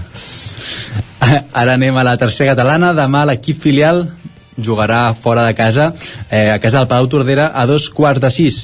Els dos equips estan situats a mitja taula així que hi haurà bon duel entre els dos. I de la tercera catalana també ens fixem en el Llinàs que arriba segon, de la, eh, arriba segon posicionat i jugarà demà a dos quarts de cinc a casa contra el Vilanova del Vallès. En aquest cas és segon contra quart així que bons partits a la tercera catalana Uh, del futbol ens anem al bàsquet, a la segona catalana del, del bàsquet, on juga també el Llinàs, que jugarà a casa aquest diumenge contra el Calella a les 6 de la tarda. En aquest cas el, el doncs, està penúltim de la Lliga, només ha jugat un partit de Lliga, així que uh, estem començant. I com no, acabem el bàsquet amb el Granollers, que jugarà demà a casa contra el Liversol Tarragona a les 6 de la tarda i com acabem a Granollers també amb, amb l'handbol les noies del, del, del Granollers del CAC 7 van jugar dimecres i ho van fer amb derrota contra el Màlaga per 24 a 22 molt mal inici de, de la lliga de, per les noies del CAC 7 estan penúltimes i bueno, això, han perdut tot només han empatat un partit. Carai. i esperem doncs, qui tingui més sort a Granollers serà el Franklin que juga avui mateix a les 8 contra el Sinfín a veure si amb aquest equip doncs el Franklin ell segueix a la part alta de la Lliga Sobal així que bon inici per als granollerins Perfecte, Òscar. Doncs gràcies. Prenem nota de tot i al cap de setmana veurem, veurem com evoluciona i dilluns en parlem. Parlem d'aquí una estona a l'agenda, també. Fins després. Fins ara. Avancem en aquest recorregut per les emissores del territori 17 i anem fins a una codinenca. Ja ens hi espera una setmana més la Caral Campàs. Bon dia, Caral. Doncs començo pel futbol. En futbol 11, primera catalana, al grup 1, tenim el Caldes, el primer equip del Caldes que s'enfrontarà aquest dissabte a les 4 de la tarda al Vescano serà un partit eh, que correspon a la segona jornada només de Lliga.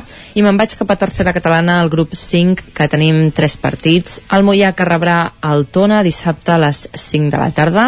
El Vigas i Riells que juga diumenge i es desplaça a la pista del Navàs per disputar a dos quarts de cinc de la tarda i el Sant Feliu de Codines que també juga a fora, en aquest cas al camp de l'Olímpic La Garriga dissabte a les 4 de la tarda tots partits corresponents a la jornada número 4. I no deixo tercera catalana, però me'n vaig al grup 7, on hi tenim el Caldés, que rebrà l'Artés aquest diumenge a les 4 de la tarda. I pel que fa a l'hoquei, aquest dissabte tenim partit a la Torre Roja, el Caldes rebrà el Voltregà a les 8 del vespre per disputar el partit corresponent a la jornada número 6 i qui també juga pel que fa als equips d'hoquei és el Vigas i Riells, les noies del Vigas i Riells que es desplaçaran a la pista del Cerdanyola per disputar diumenge a dos quarts de dotze del migdia.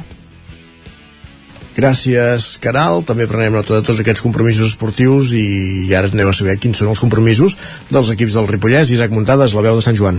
Bon dia, doncs comencem parlant de futbol i anem al grup 18 de la tercera catalana, que obrirà foc la Badesenc aquest dissabte a les 4 de la tarda a casa contra l'Atlètic Club Banyoles. Els Sant Joanins arriben a la cita amb 5 punts, en cinquena posició i es mantenen invictes a la Lliga, mentre que els banyolins són quinzens amb dos punts i encara no coneixen la victòria en aquest campionat. Per la seva banda, el Camprodon també juga a casa el dissabte a les 4 de la tarda contra el Sant Privat. La quarta jornada és la que ha de servir perquè el Camprodon doncs, aconsegueixi la primera victòria de, de la Lliga. Ara mateix els Camprodonins tenen 3 punts i són tretzens. Per acabar, el Canal jugarà aquest diumenge a les 5 de la tarda contra el Santa Pau. Els cananolens són sisens amb 5 punts i dos empats consecutius, mentre que els garrotxins són onzens amb 4 punts. De fet, és un camp maleït on el Canal no hi ha guanyat mai, per tant, ho tindrà força complicat. I anem a la Lliga Nacional d'Hockey, perquè l'Hockey Club Ripoll rebrà aquest dissabte el Gaiec a dos quarts de vuit del vespre, un partit que té pinta que serà difícil perquè el És el líder amb 6 punts de la categoria després de dos partits, mentre que els ripollesos són penúltims i de moment no han sumat cap punt. Ah, els ripollesos per tant han de començar a sumar per sortir de la zona baixa de la classificació. I a la primera nacional de futbol sala, l'escola de futbol sala del Ripollès Servicat jugarà aquest dissabte a un quart de vuit del vespre contra els Centelles a la pista dels usonencs. Els ripollesos són penúltims a la Lliga i encara no han sumat cap punt, mentre que els Centelles en té un i és setè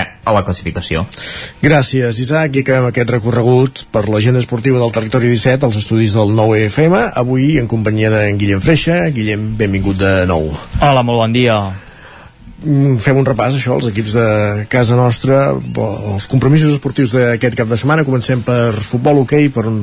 Doncs va, eh, comencem per la tercera federació, aquesta categoria Futbol, on perfecte. enguany, futbol, exacte, on s'hi ha estrenat el Tona, i aquest cap de setmana partit destacat al municipal de Tona, perquè el conjunt tonenc, que recordem encara no ha perdut cap partit en l'estrena en la categoria, rep l'Europa, el Carai. líder també invicta i que compta els seus partits per victòries, per tant, la visita d'un històric en el municipal tonenc, com és el conjunt escapulat, el conjunt de Gràcia. Baixem a primera catalana també de futbol per repassar eh, a on jugaran els tres representants usonencs. El Torelló ho farà dissabte a les 4 a Can Givert, el, a casa contra el Can Givert, volíem dir. Pel que fa al Manlleu, jugarà diumenge a les 12 al camp del, Mull, del Mollet i a la Unió Esportiva de Vic també a la mateixa hora, el diumenge a les eh, 12 al camp del Granollers, per tant, eh, a la comarca veïna. Deixa'm recordar que em sembla que no ho he dit, el Tona Europa a 3 quarts de 12 diumenge. Diumenge. Per tant, I l'hora de fet, l'Europa, deies, mm, no ha perdut cap partit, però és que ha començat eh, amb rivals d'entitat, perquè han sigut Sí. tots... Aquest és l'Europa, que és el degà dels històrics, però no, no és l'únic històric que hi ha passat pel No. municipal i amb qui s'ha enfrontat la- l'equip No, no. de Ricard Ferrés. Exacte, per exemple amb el Sant Andreu ja va passar a la primera jornada el, el conjunt andreuenc i va guanyar el, el Tona, per tant una tercera federació que aquest any també acull entitats importants del futbol català com el Sant Andreu, eh, l'Europa, eh, diversos eh, equips destacats. Hem repassat això, tercera federació, primera catalana i si voleu marxem cap a hoquei patins on a la Hockey Lliga, la màxima competició, també tenim un nou duel Bellesà-Usonenc i és que el Voltregà Stern Motor jugarà dissabte a les 8 de la tarda contra el Recam Laser Caldes, un Voltregà que les bones sensacions a la pista encara no han trobat eh, la línia de resultats. També s'ha de dir que els voltreganesos han jugat en aquesta arrencada de temporada contra alguns dels equips potents d'aquesta competició, com són el Barça o el Liceu, sempre donant la cara, però com dèiem, aquestes bones sensacions que han d'anar trobant també els resultats a, a la pista. Encara en hoquei patins, en aquest cas amb la Lliga Catalana Plata, els equips que competeixen a la segona categoria de l'hoquei estatal. El Vic continua viu en aquesta competició de pretemporada, la Lliga Catalana de Plata, jugarà la fase final i ho farà aquest dissabte a dos quarts de vuit del vespre contra l'Alpicat, un conjunt biguetà que té l'incentiu, la motivació doncs, de fer un bon paper en aquesta fase final de la Lliga Catalana Plata. A l'altra semifinal hi haurà el Tordera i el Palafrugell. Um, Per futbol. tant, entenem que Manlleu i Taradell ja fa dies que, que, Exacte. que no han avançat en Sí, el Manlleu no va competir en aquesta Lliga Catalana Plata, no va participar en la, en la competició i pel que fa al Taradell, doncs en la primera fase no li van sortir bé les coses, no va obtenir els resultats necessaris per passar a la fase final. Sí que ho va fer el Club Patí Vic, eh, amb bones eh, actuacions en aquesta primera fase, un Club Patí Vic que recordem s'ha eh, renovat, hi ha hagut diversos canvis, sí que ha mantingut també una base, sobretot de jugadors eh, que han anat pujant de, de la base del, del Club Pativic, hi ha hagut canvi de- d'entrenador, per tant, un nou projecte el del Club Pativic que afronta un repte il·lusionador aquest cap de setmana, si més no, amb aquesta Lliga Catalana Plata, una fase final, un format de semifinals i final, doncs que sempre és agraït per al públic i per als espectadors. Com dèiem, la semifinal dissabte a dos quarts de vuit de la tarda contra l'Alpicat. I anem cap a la Hockey Lliga Femenina, on també els representants usonencs han de començar a obtenir bons eh, resultats, perquè no han sortit massa bé les coses eh, en aquest inici. El Voltregà Motor jugarà a casa el dissabte, a dos quarts i sis de la tarda, contra el Lleidanet al Picat, eh, una oportunitat per començar a sumar de 3 en 3, i el Martinelli a Manlleu, que les últimes temporades doncs, ha sigut un dels eh, clars candidats al títol, aquest any doncs, eh, potser no sortia tant amb l'etiqueta de favorit, però sempre com un equip eh, potent, el Martinelli a Manlleu, té un desplaçament complicat i és que jugarà dissabte a les 5 de la tarda a la pista del Telecable Gijón de nou eh, un dels equips cridats a, a lluitar pel títol i a buscar eh, doncs bons resultats aquesta temporada.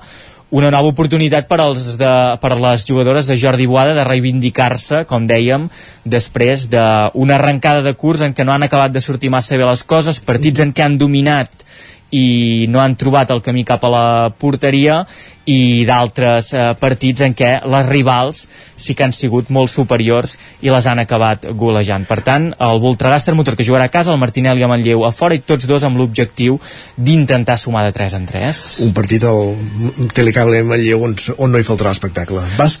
Segur, segur que Segur. serà un bon partit. Molt bé. I un apunt de bàsquet?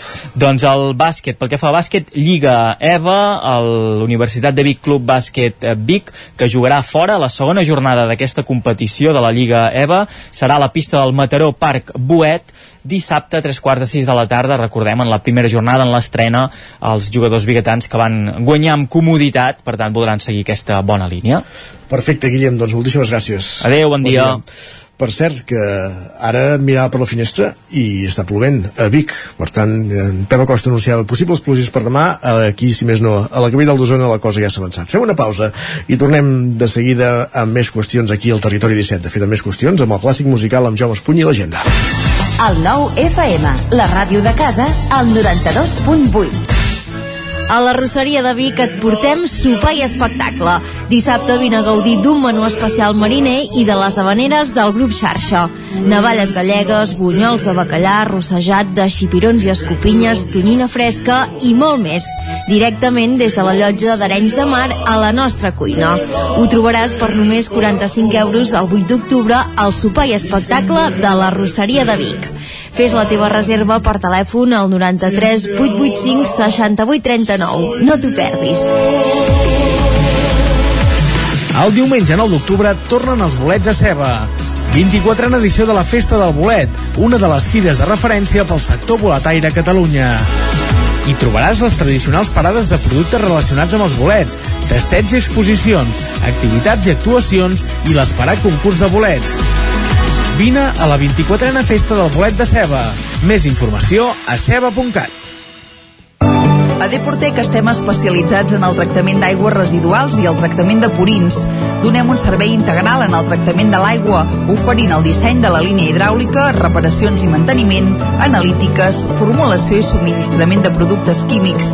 Ara a Deportec et podem ajudar a obtenir un gran estalvi energètic en la deshidratació de fangs, oferint-te un sistema innovador, el Depordisc. Deportec, ens trobaràs al carrer de la Fusteria 22, al polígon de les Gaules, a Tona. A Rialtec som especialistes en instal·lacions fotovoltaiques, aerotèrmia, clima i instal·lacions integrals pel teu habitatge o la teva empresa. Demana el teu pressupost sense cap compromís. Rialtec.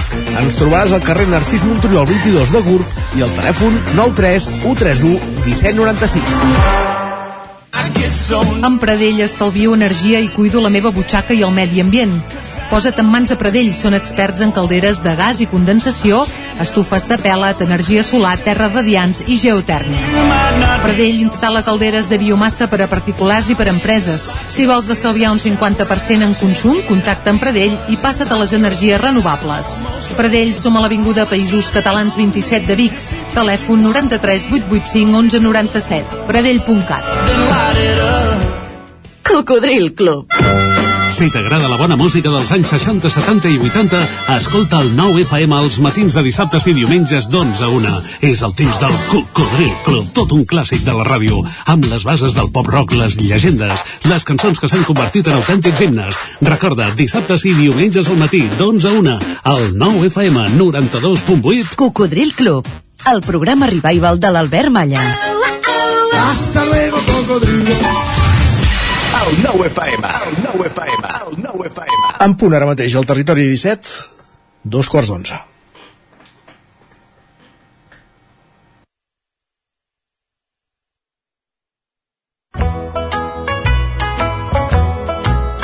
I ara hem tingut una, una, un començament de la secció arran, eh, accidentat, per tant, tornem a començar, tornem a escoltar, a, a escoltar l'inici d'aquesta cançó del clàssic musical que ens porta avui en Jaume Espuny.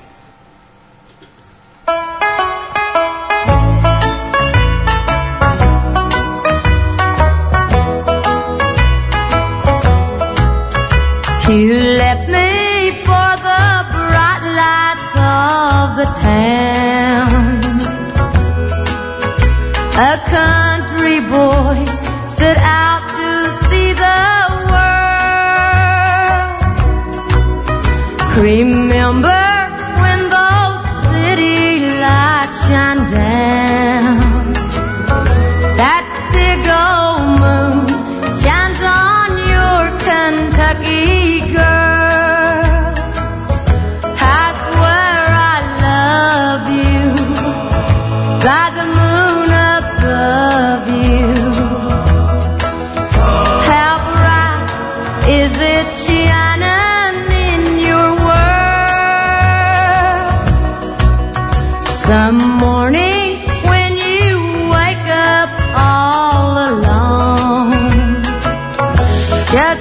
Jaume Espuny, una setmana més, benvingut, bon dia. Bon dia. Ara sí que ha sonat, ha arrencat bé aquesta peça, Sí, eh? eh, i aquesta veu que sentim que s'ha apagat. dimarts va deixar d'existir, es va apagar definitivament, era la veu de Loretta Lynn la reina indiscutible del country però aquest country, hi hi ha gent que el country eh, li agrada, hi ha altra gent que eh, l'odia una mica diríem, no? Però eh, aquest country una mica carrincló a vegades però és la reina indis, eh, indiscutible. Va morir als 90 anys mm, mentre dormia. I ara aquí he pensat, oh, l'hem de fer un homenatge amb aquest disc que es va publicar el 2005 sí. però són, és un, es diu de, de, de Definitive Collection. Són 25 cançons de, que van de l'any 64 al 78 que era el moment àlgid de la seva carrera. De totes maneres eh, fa un any i mig va publicar un disc eh, nou amb 88 anys eh? i la veu la continuava tenint tan agradable com aquest. Com D'aquests 25, eh, qui ho, el disc ho explica, eh, d'aquests 25 cançons, 16 van arribar al número 1 de les llistes d'èxit de Billboard de country, eh? Per Carai. això, de country. I ara escoltarem eh, una cançó que es diu Coal Maynard's Doctor, que, Dau- Daughter, la filla del miner, del miner de carbó. Va.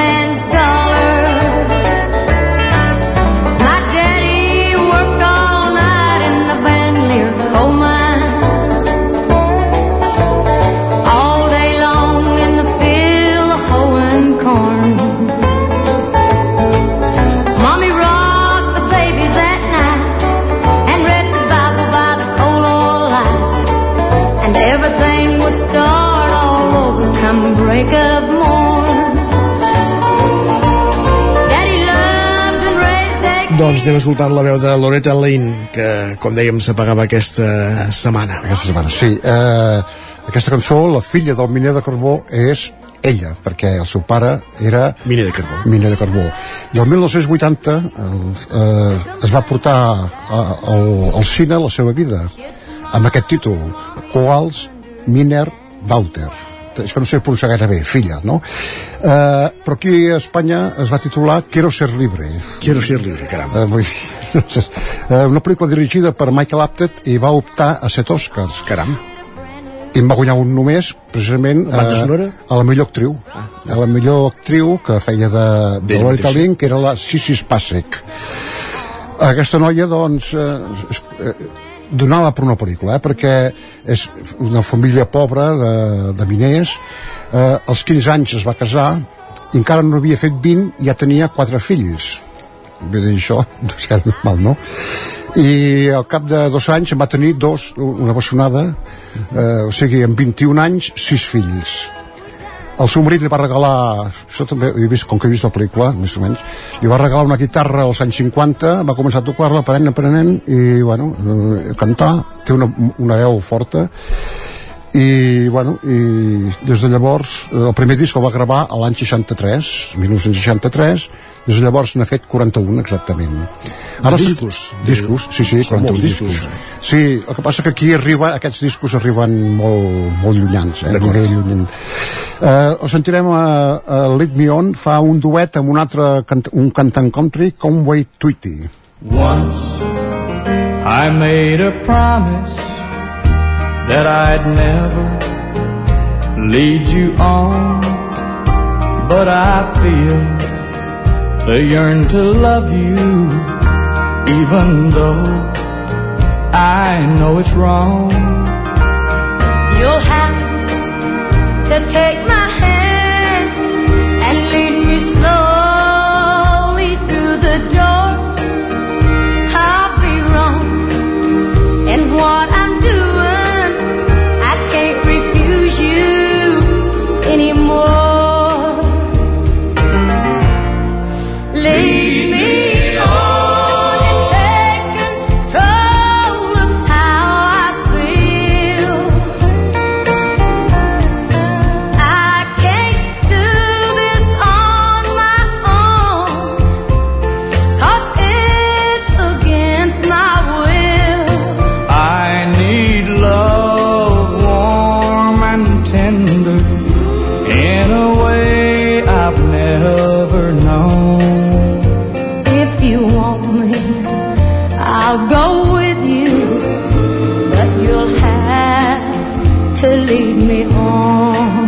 feia el duet, això em deies? un cantant que es diu Conway Twitty Caram. desconegut per mi i per la majoria de gent suposo també Haurem d'indagar. jo, jo quan sento aquestes cançons em trasllado sense voler un, un, cap allà a l'Amèrica profunda a un bar menjant, esmorzant uns ous ferrats amb una cambrera amb, rossa, etc. Vull dir, això que hem vist a les pel·lícules, no? Sí. Eh, la, la majoria de les cançons d'aquest disc, bueno, i la majoria de les que va gravar, les componia, componia ella, a més a més, o sigui, era un au- autodidacta, lletra i música. I encara que sembla mentida, perquè que és, és una mica això que deia en Carrincló, les lletres eren força re, feministes, reivindicatives. Eh, parla d'històries una mica crues a vegades, de divorcis, marits masclistes, etc de sexualitat també algunes van tenir problemes a les ràdios que, per aquella zona d'allà que deuen que són molt cristians i tot això que no les, no les, no, no les radiaven no? eh, per exemple ens sentirem ara una que, que es diu The Pill, la píldora i parla d'això tu una píldora perquè això de que, que, sort de la píldora perquè no els passarà com a mi no? que vinga nens eh,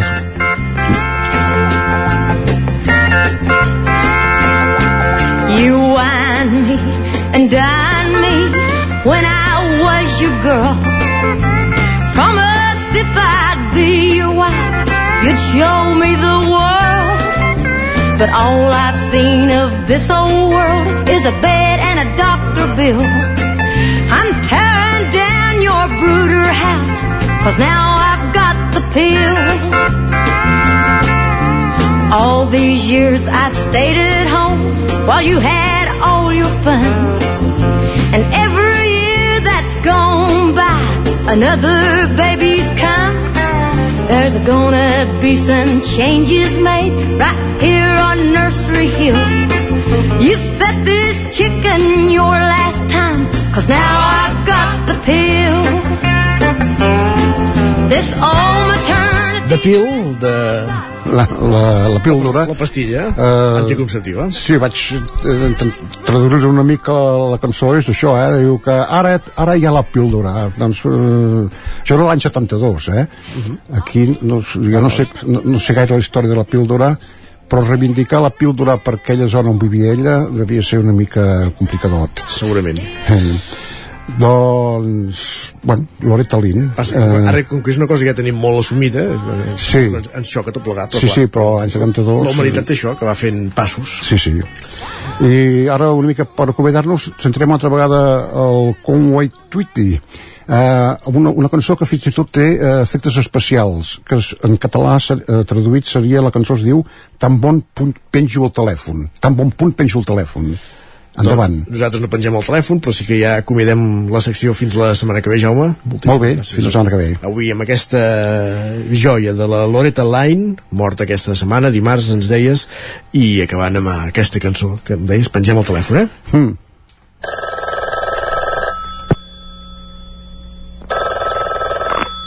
Hello, Hello, Loretta. darling. I knew it was you. Loretta, there's something I've just got to tell you. Oh, please tell me what to do. I don't really know how to say this, but I want to tell you that I... Gave me the will to go on as soon as I picked up the phone. No, no, you don't understand, Loretta. I'm trying to tell you that I... The talk is around that we're through. Yeah, I know. I've heard it too. Oh, darling, tell me what to do. But that's just it. That's what I'm trying to tell you. I, I want to tell you that... Knew you'd tell me that we're wrong as soon as I picked up the phone. Ah, but it is true. They're not wrong. Oh no, I'm sorry, Loretta. oh no. I can't believe Territori 17. El 9 FM, la veu de Sant Joan, Ona Codinenca, Ràdio Cardedeu, Territori 17.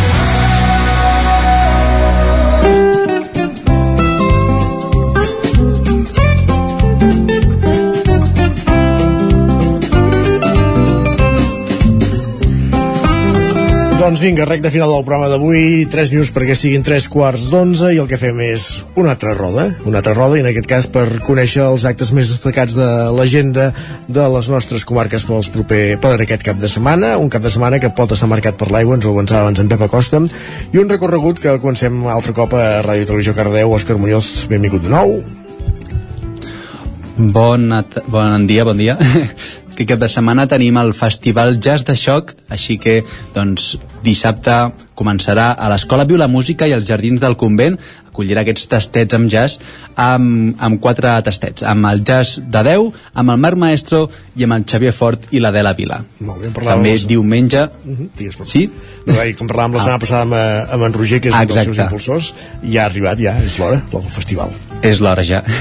I diumenge, doncs, al pati de la cerveseria Sant Jordi, amb en Santi Álvarez Blues i la Big Mama Montse, amb l'artista convidada que serà el Tota Blues. Així que portarem una miqueta, una barreja no?, entre aquest jazz i el blues. Molt bé.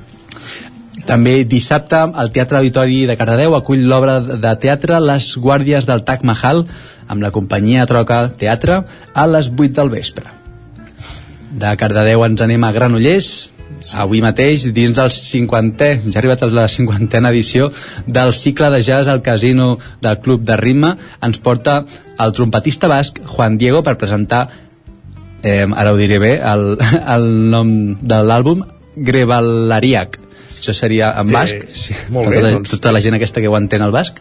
Perfecte. i això serà a les 8 del vespre la presentació d'aquest disc del Juan Diego al Casino Club de Ritme de Granollers. I a la mateixa hora ho comentem així més ràpid ja que ve amb entrades exaurides. A l'auditori de Granollers ve el Sergio Dalma a presentar el seu nou disc Alegria, que és més fàcil de pronunciar. Així que això, dos concerts a Granollers. I acabem amb un altre concert Sergio Dalma, un clàssic dels clàssics per ballar plegats eh? ah, bon, mira i això, i dissabte doncs acabem també amb concert a la sala 9BU amb el grup Agua Bendita grup dels anys 90 del barri Sí. de la Trinitat de Barcelona el fet coneixeu? tornar uns quants anys enrere, eh? Sí, doncs això, estaran allà doncs, fent aquesta barreja de rimes no, que fan entre punk, ska i reggae. Després de més de 20 anys, doncs, el compositor i el cantant d'Aigua Bendita torna als escenaris per compartir amb el públic els clàssics de la banda, i en especial les cançons de les dues primeres maquetes, així que, doncs, per tothom que vulgui escoltar doncs, eh, Agua Bendita, a dissabte a la sala 9BU de Granollers. Ens fas tornar nostàlgics avui, eh? entre en Sergio Dalma i Agó Bendita. Déu-n'hi-do. Ho tenim tot, Òscar? Ho tenim tot. Doncs bon cap de setmana. Que vagi molt bé. volcán y a dos metros de ti, bailando yo en el polo. Doncs, com deia l'Òscar Sergio Dalma aquest cap de setmana a Granollers, tenim més coses però a l'agenda, continuem, avancem en aquest recorregut, anem fins a Ona Codinenc amb la Caral Campàs, bon dia de nou. Doncs començo parlant de la Festa Major de Caldes de Montbui, que és aquest eh, avui mateix, comença, s'allargarà també fins demà i demà passat. El dia 12 hi haurà dia de Castellera i el següent cap de setmana hi ha cap vuitada. I us comento alguns dels actes. Per exemple, avui mateix eh, hi haurà Correbars que torna aquesta activitat a les 9 del vespre quan feia dos anys que no es podia fer per la Covid-19 i després a les 10 de la nit en Peyu presenta l'Home Orquestra. Després durant tot el cap de setmana hi haurà moltes més activitats i pel que fa als concerts hi haurà doncs actuacions de Every Night, Germa Negra, Manu Guix o Jockey Miqui Puig, entre d'altres. I me'n vaig ara cap a Vigues i Riells del FEI per informar-vos que aquesta població torna a celebrar el concurs de talent musical jove i fins al dia 10 d'octubre hi ha temps per inscriure's a la competició d'aquest 2022 que es farà al Teatre Auditori Polivalent el dia 22 d'octubre. I a més a més no deixo Vigues i Riells perquè aquesta localitat celebra les jornades europees de patrimoni, tal com ho fa també Sant Feliu de Codines. I primer us parlo de, de Vigues hi haurà activitats dis aquest dissabte i diumenge en el marc, doncs, com us deia, d'aquestes jornades europees de patrimoni. I l'Ajuntament s'afegeix a la iniciativa amb una visita guiada al jaciment ibèric de Puiggraciós dissabte i una visita també al castell de Montbui diumenge. Per participar a aquestes activitats cal inscriure's prèviament a través d'entrapolis.com, ja que les places són limitades. I a Sant Feliu de Codines també celebren aquestes jornades europees de patrimoni. En aquest cas, divendres a dos quarts de vuit del vespre a la Biblioteca Joan Petit i Aguilar hi ha la conferència Portals i Finestres, un patrimoni que ens parla, on s'explicaran aquestes cases que tenen portals i finestres esculpides del municipi. I diumenge a les 11 es realitzarà una ruta urbana amb els membres del Centre Excursionista de Sant Feliu que faran una visita guiada precisament per aquestes cases. I acabo doncs, aquest repàs eh, comentant-vos que la coral La Poncella de Sant Feliu celebra els 125 anys d'existència i inicien els actes de celebració. Ho faran doncs, aquest dissabte amb la representació de l'òpera Dido i Eneas de Henry Purcell a càrrec del Conservatori Professional de Música de Sabadell. Serà a les 7 de la tarda, com us deia, dissabte 8 d'octubre al Centre Cívic La Fonteta. Gràcies, Caral. Bon cap de setmana de Sant Feliu de Codines, d'Ona Codinenca cap a Sant Joan de les Abadesses, la veu de Sant Joan, Isaac Muntades. Bon dia de nou, doncs cap de setmana tapaït al Ripollès. Aquesta setmana hi ha molta activitat cultural i d'oci a, la, a la comarca i sens dubte un dels plats forts del cap de setmana és aquest dissabte amb el Festival Inclusiu Inspira de Ripoll, que tindrà una sèrie de cap de cartells importants, com ja sabeu, com ja ens va explicar la Marta Roder a l'entrevista, Blau Mut a les 6 de la tarda, Catars a 3 quarts de 9 del vespre, o Marcel i Júlia a dos quarts d'onze de, de la nit. També actuarà el grup Xiu a les 12 després de l'arribada dels grellers i geganters a l'espai de la Devesa del Pla, on se celebrarà el festival que serà un festival doncs, que tindrà espectacles inclusius com el de Clams, P9 Dansa, Conta el País Vermell, Artiment, Poemes Musicats o el programa de ràdio El Gall de la veu de, de Sant Joan, que també hi serà present. Uh, DJs pel canvi s'encarregaran de tancar-lo. Aquest diumenge a les 6 de la tarda també es farà la clausura del Terra Gullut Film Festival al Diagonal de Can de Bànol. S'entregaran els premis de les pel·lícules que anaven a concurs i es projectarà la pel·lícula El vent que ens mou amb la presència del director Pere Puigverd i no ens movem de, de Can de Bànol perquè fins al 22 d'octubre hi haurà l'exposició Rahola Foto 2021 al Centre Cívic que són fotografies presentades a la dotzena edició del Premis Carla Rola de Comunicació Local es podrà veure de dilluns a divendres de 5 a 7 de la tarda i els dissabtes fins a les 8 de la tarda i també aquest dissabte se celebrarà la 38a edició de la Fira del Bestiar de la Vall de Ribes i la, i la 26a Fira de la Vaca Bruna dels Pirineus. A les 10 s'inaugurarà el certamen, a les 12 es farà la recepció i la visita oficial i després explicaran les característiques de la vaca guanyadora i just després doncs entraran els premis. És la primera de les fires dels bestiar que se celebren aquests dies a la comarca. Divendres al Teatre Comtal s'interpretarà avui mateix a dos quarts de nou del vespre una funció del cicle íntims de teatre de, de prop. Pòsit de Martí Torres és un espectacle per a tots els públics per donar valor al sentit de l'humor en l'acompanyament de les demències. L'interpreta l'actriu gironina Meritxell Llanes el, pa, el paper de protagonista i costa 10 euros l'entrada.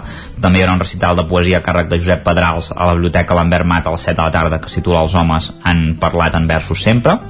A Camprodon, Lluís Calvo presenta el seu llibre Cor Pirinenc aquest dissabte a dos quarts de set de la tarda a Cal Marquès, amb un acte que també anirà acompanyat d'una lectura de poemes per part de Mercè Vila i Laia Sunyer. I finalment, aquest diumenge, a Sant Joan de les Abadeses, torna la Festa dels Ocells, organitzada per l'associació Alter al Molí Petit. Durant tot el matí els nens podran participar a l'activitat Dibuixa un ocell pel cartell 2023. Es fa, a les 9 del matí es farà l'anellament dels ocells, hi haurà coca i, i xocolata, i després jocs i tallers per la família. Un joc familiar a les 12 i una hora després es claurà la festa. Gràcies, doncs, Isaac, i acabem eh, aquest recorregut als estudis de, del nou FM en companyia de Miquel R i en Jordi Vilarrodà. Benvinguts tots dos. Jordi, t'agrairíem que et posis a la cadira del costat perquè així es veurà la càmera. és així de, de senzill, per la ràdio no ens veieu, però ja ho sabeu que qui ens estigui seguint a través de tant de la televisió com de YouTube com de Twitch, doncs ens pot veure com, com anem avançant en el territori 17. Acomiadem en Jaume Espuny, que se'n va, i ara sí, agenda. Jordi, Miquel, qui comença? Ara, ara hi som. Si voleu, començo jo. Començo jo, mira, eh, amb això que deies, que els oients no ens poden veure, però nosaltres li, els hi podem explicar, ara que ho estem veient a través de la finestra, que estan caient quatre gotes a Vic. L'hem vist, sí, sí. Estic donant una mica de volta, eh? Però per què? Perquè es dona una gran paradoxa. Necessitem que plogui, necessitem que plogui mm, sovint, no només per la sequera, sinó també perquè es facin bolets. En canvi, ens convé molt que diumenge no plogui si volem que la fira la fira del bolet, la festa del bolet de ceba eh, doncs sigui un èxit per tant, eh, viurem amb aquesta paradoxa que plogui molt avui, si cal que plogui demà però que si plau no plogui diumenge perquè tenim una de les festes, jo diria, una de les, de les cites aquestes, eh, a vegades ens cansem de dir-ho, de, de dir-ho, no?, d'això d'emblemàtiques o una mica de, que, que marquen també el calendari fidel i, i marquen també aquest calendari de tardor, no?, la festa del bolet, 24a edició, és una festa que jo diria que, que es ven sola, que funciona sola, perquè eh, té aquest poder d'atractiu també eh, el fet de, de visitar Ceba, de donar el vol per allà, eh, ja dic que acostuma a portar molta gent, l'any passat encara amb algunes limitacions, ara veiem aquesta setmana si mirem el 9-9 encara amb gent amb mascaretes, doncs van passar, es calculava uns 15.000 visitants, per tant és una fira que treu molta gent, però veurem, veurem eh, les parades de bolets que hi haurà. El que, és, el que és segur, parlant amb l'alcaldessa, és que no hi haurà bolets pròpiament dels boscos de ceba, que en aquesta època a vegades ja n'hi havien. També és veritat que ara amb el, tot aquest canvi climàtic s'està retardant tot una mica. Encara no, no han baixat prou. De fet, se'n feien el Ripollès fa 15 dies o 3 setmanes. El Manel Dot, quan repassàvem les pluges d'aquest setembre, deia ja sabeu on s'ha d'anar a buscar bolets, i no era precisament a ceba. Doncs res, he donat molta volta per dir que això, que durant tot el dia, ceba, hi ha activitats infantils, hi ha tallers, hi ha propostes gastronòmiques, la, la tradicional cassoleta de bolets i parades, entre elles algunes de bolets, uh -huh. per, per, per omplir el cistell. Molt bé. Uh, mai plous de tothom. Uh, en Pep Acosta abans ens vaticinava que demà pot ser mogut, o pot no passar res. Eh, no afectaria la festa del bolet, però sí que altres fires i actes que hem repassat, per exemple, ara mateix amb l'Isaac Muntades, la, la Fira del Bestiar a la Vall de Ribes o, o el Festival Inspira. Més coses, va, Miquel. Per exemple, podria afectar, si plou dissabte al matí, una, una trobada singular, si més no, és les, tot just la segona edició, l'any passat per això va tenir molt bona resposta, que és una trobada de cotxes americans a Sant Quirze de Besora. Carai. Eh, són, eh, qui vulgui veure aquestes marques històriques, eh, americanes, els Chevrolets, eh, els Fords, eh, el Mustang, i cotxes així una mica... Però són si cotxes no plou. clàssics, també. Són cotxes clàssics, però tots de línia americana, alguns poden ser més moderns o menys, però tot, tot diguéssim, aquestes marques pròpies d'Amèrica, això és un grup de veïns de Sant Quirze que ho van estrenar l'any passat, aficionats a aquest món, va funcionar molt bé i han convocat la segona trobada, això serà tot el dissabte al matí, de, es plantaran a partir de les 9 del matí fins a les 2 del migdia, al, um, al carrer del Mestre Quer per tant cita per, pels curiosos per anar a veure aquests cotxes americans. I eh, permeteu-me que torni enrere però parlant de bolets, recordar que Prats també ja porta unes quantes edicions del, del que ells en diuen el Tocats pel bolet. És una jornada bàsicament centrada a la tarda que també hi ha eh, pel centre repartit. Hi ha tastos hi ha alguna, al, alguna xerrada alguna exposició també ja dic a l'entorn del bolet dissabte a la tarda ben bé pel, pel centre històric de Prats Perfecte, i en Jordi suposo que ens parlarà d'una biblioteca que s'inaugura, oi? Sí, eh, hi ha moltes altres coses al cap de setmana que no sé si podrem repassar-les totes, Tres però minuts ui, així, així no, segur que no. Biblioteca Pilarín Vallès. Aquest divendres a les 8 de vespre s'inaugura la biblioteca, però no serà allò només de tallar la cinta, perquè aquí hi haurà un espectacle. Aquesta biblioteca de Vic, doncs que, que serà la biblioteca gran de la ciutat i la biblioteca central d'Osona, a més a més, s'inaugura amb un espectacle. Eh, L'Ajuntament va encarregar amb una directora de teatre, amb la Montse Rodríguez, prou coneguda, de Vic, eh, que ha triomfat amb aquesta obra en vaca a escenaris de tot arreu, que ideés un espectacle que s'ha volgut mantenir com a sorpresa i que es podrà veure avui a les 8 del vespre a banda dels discursos clàssics de qualsevol inauguració.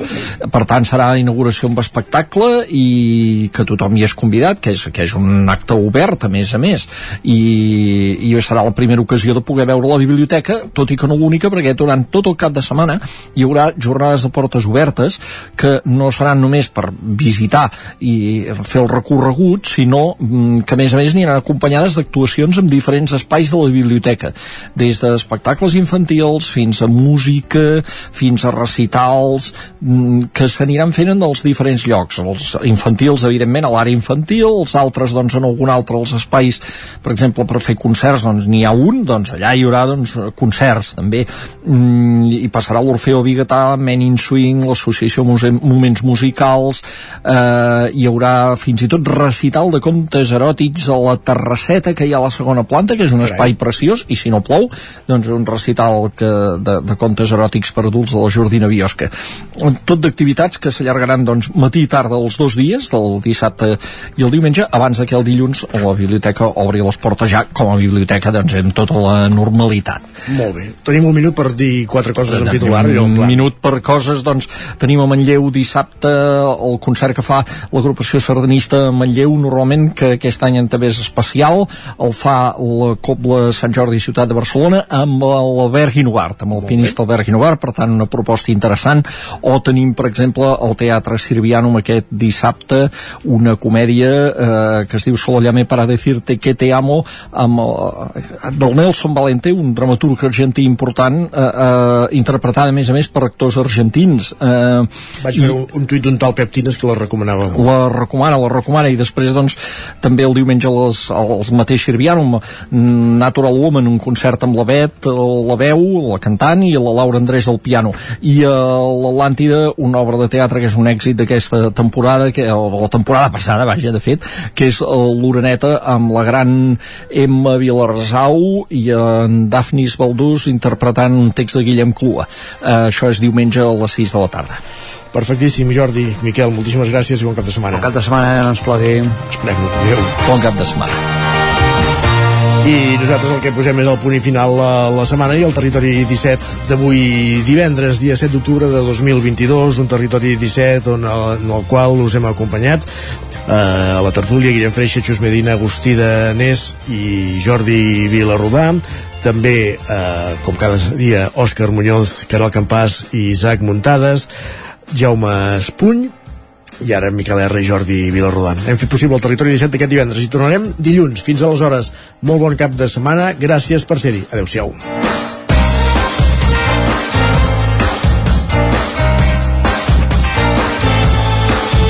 Territori 17, un magazín del nou FM. La veu de Sant Joan, Ona Codinenca i Ràdio Cardedeu amb el suport de la xarxa.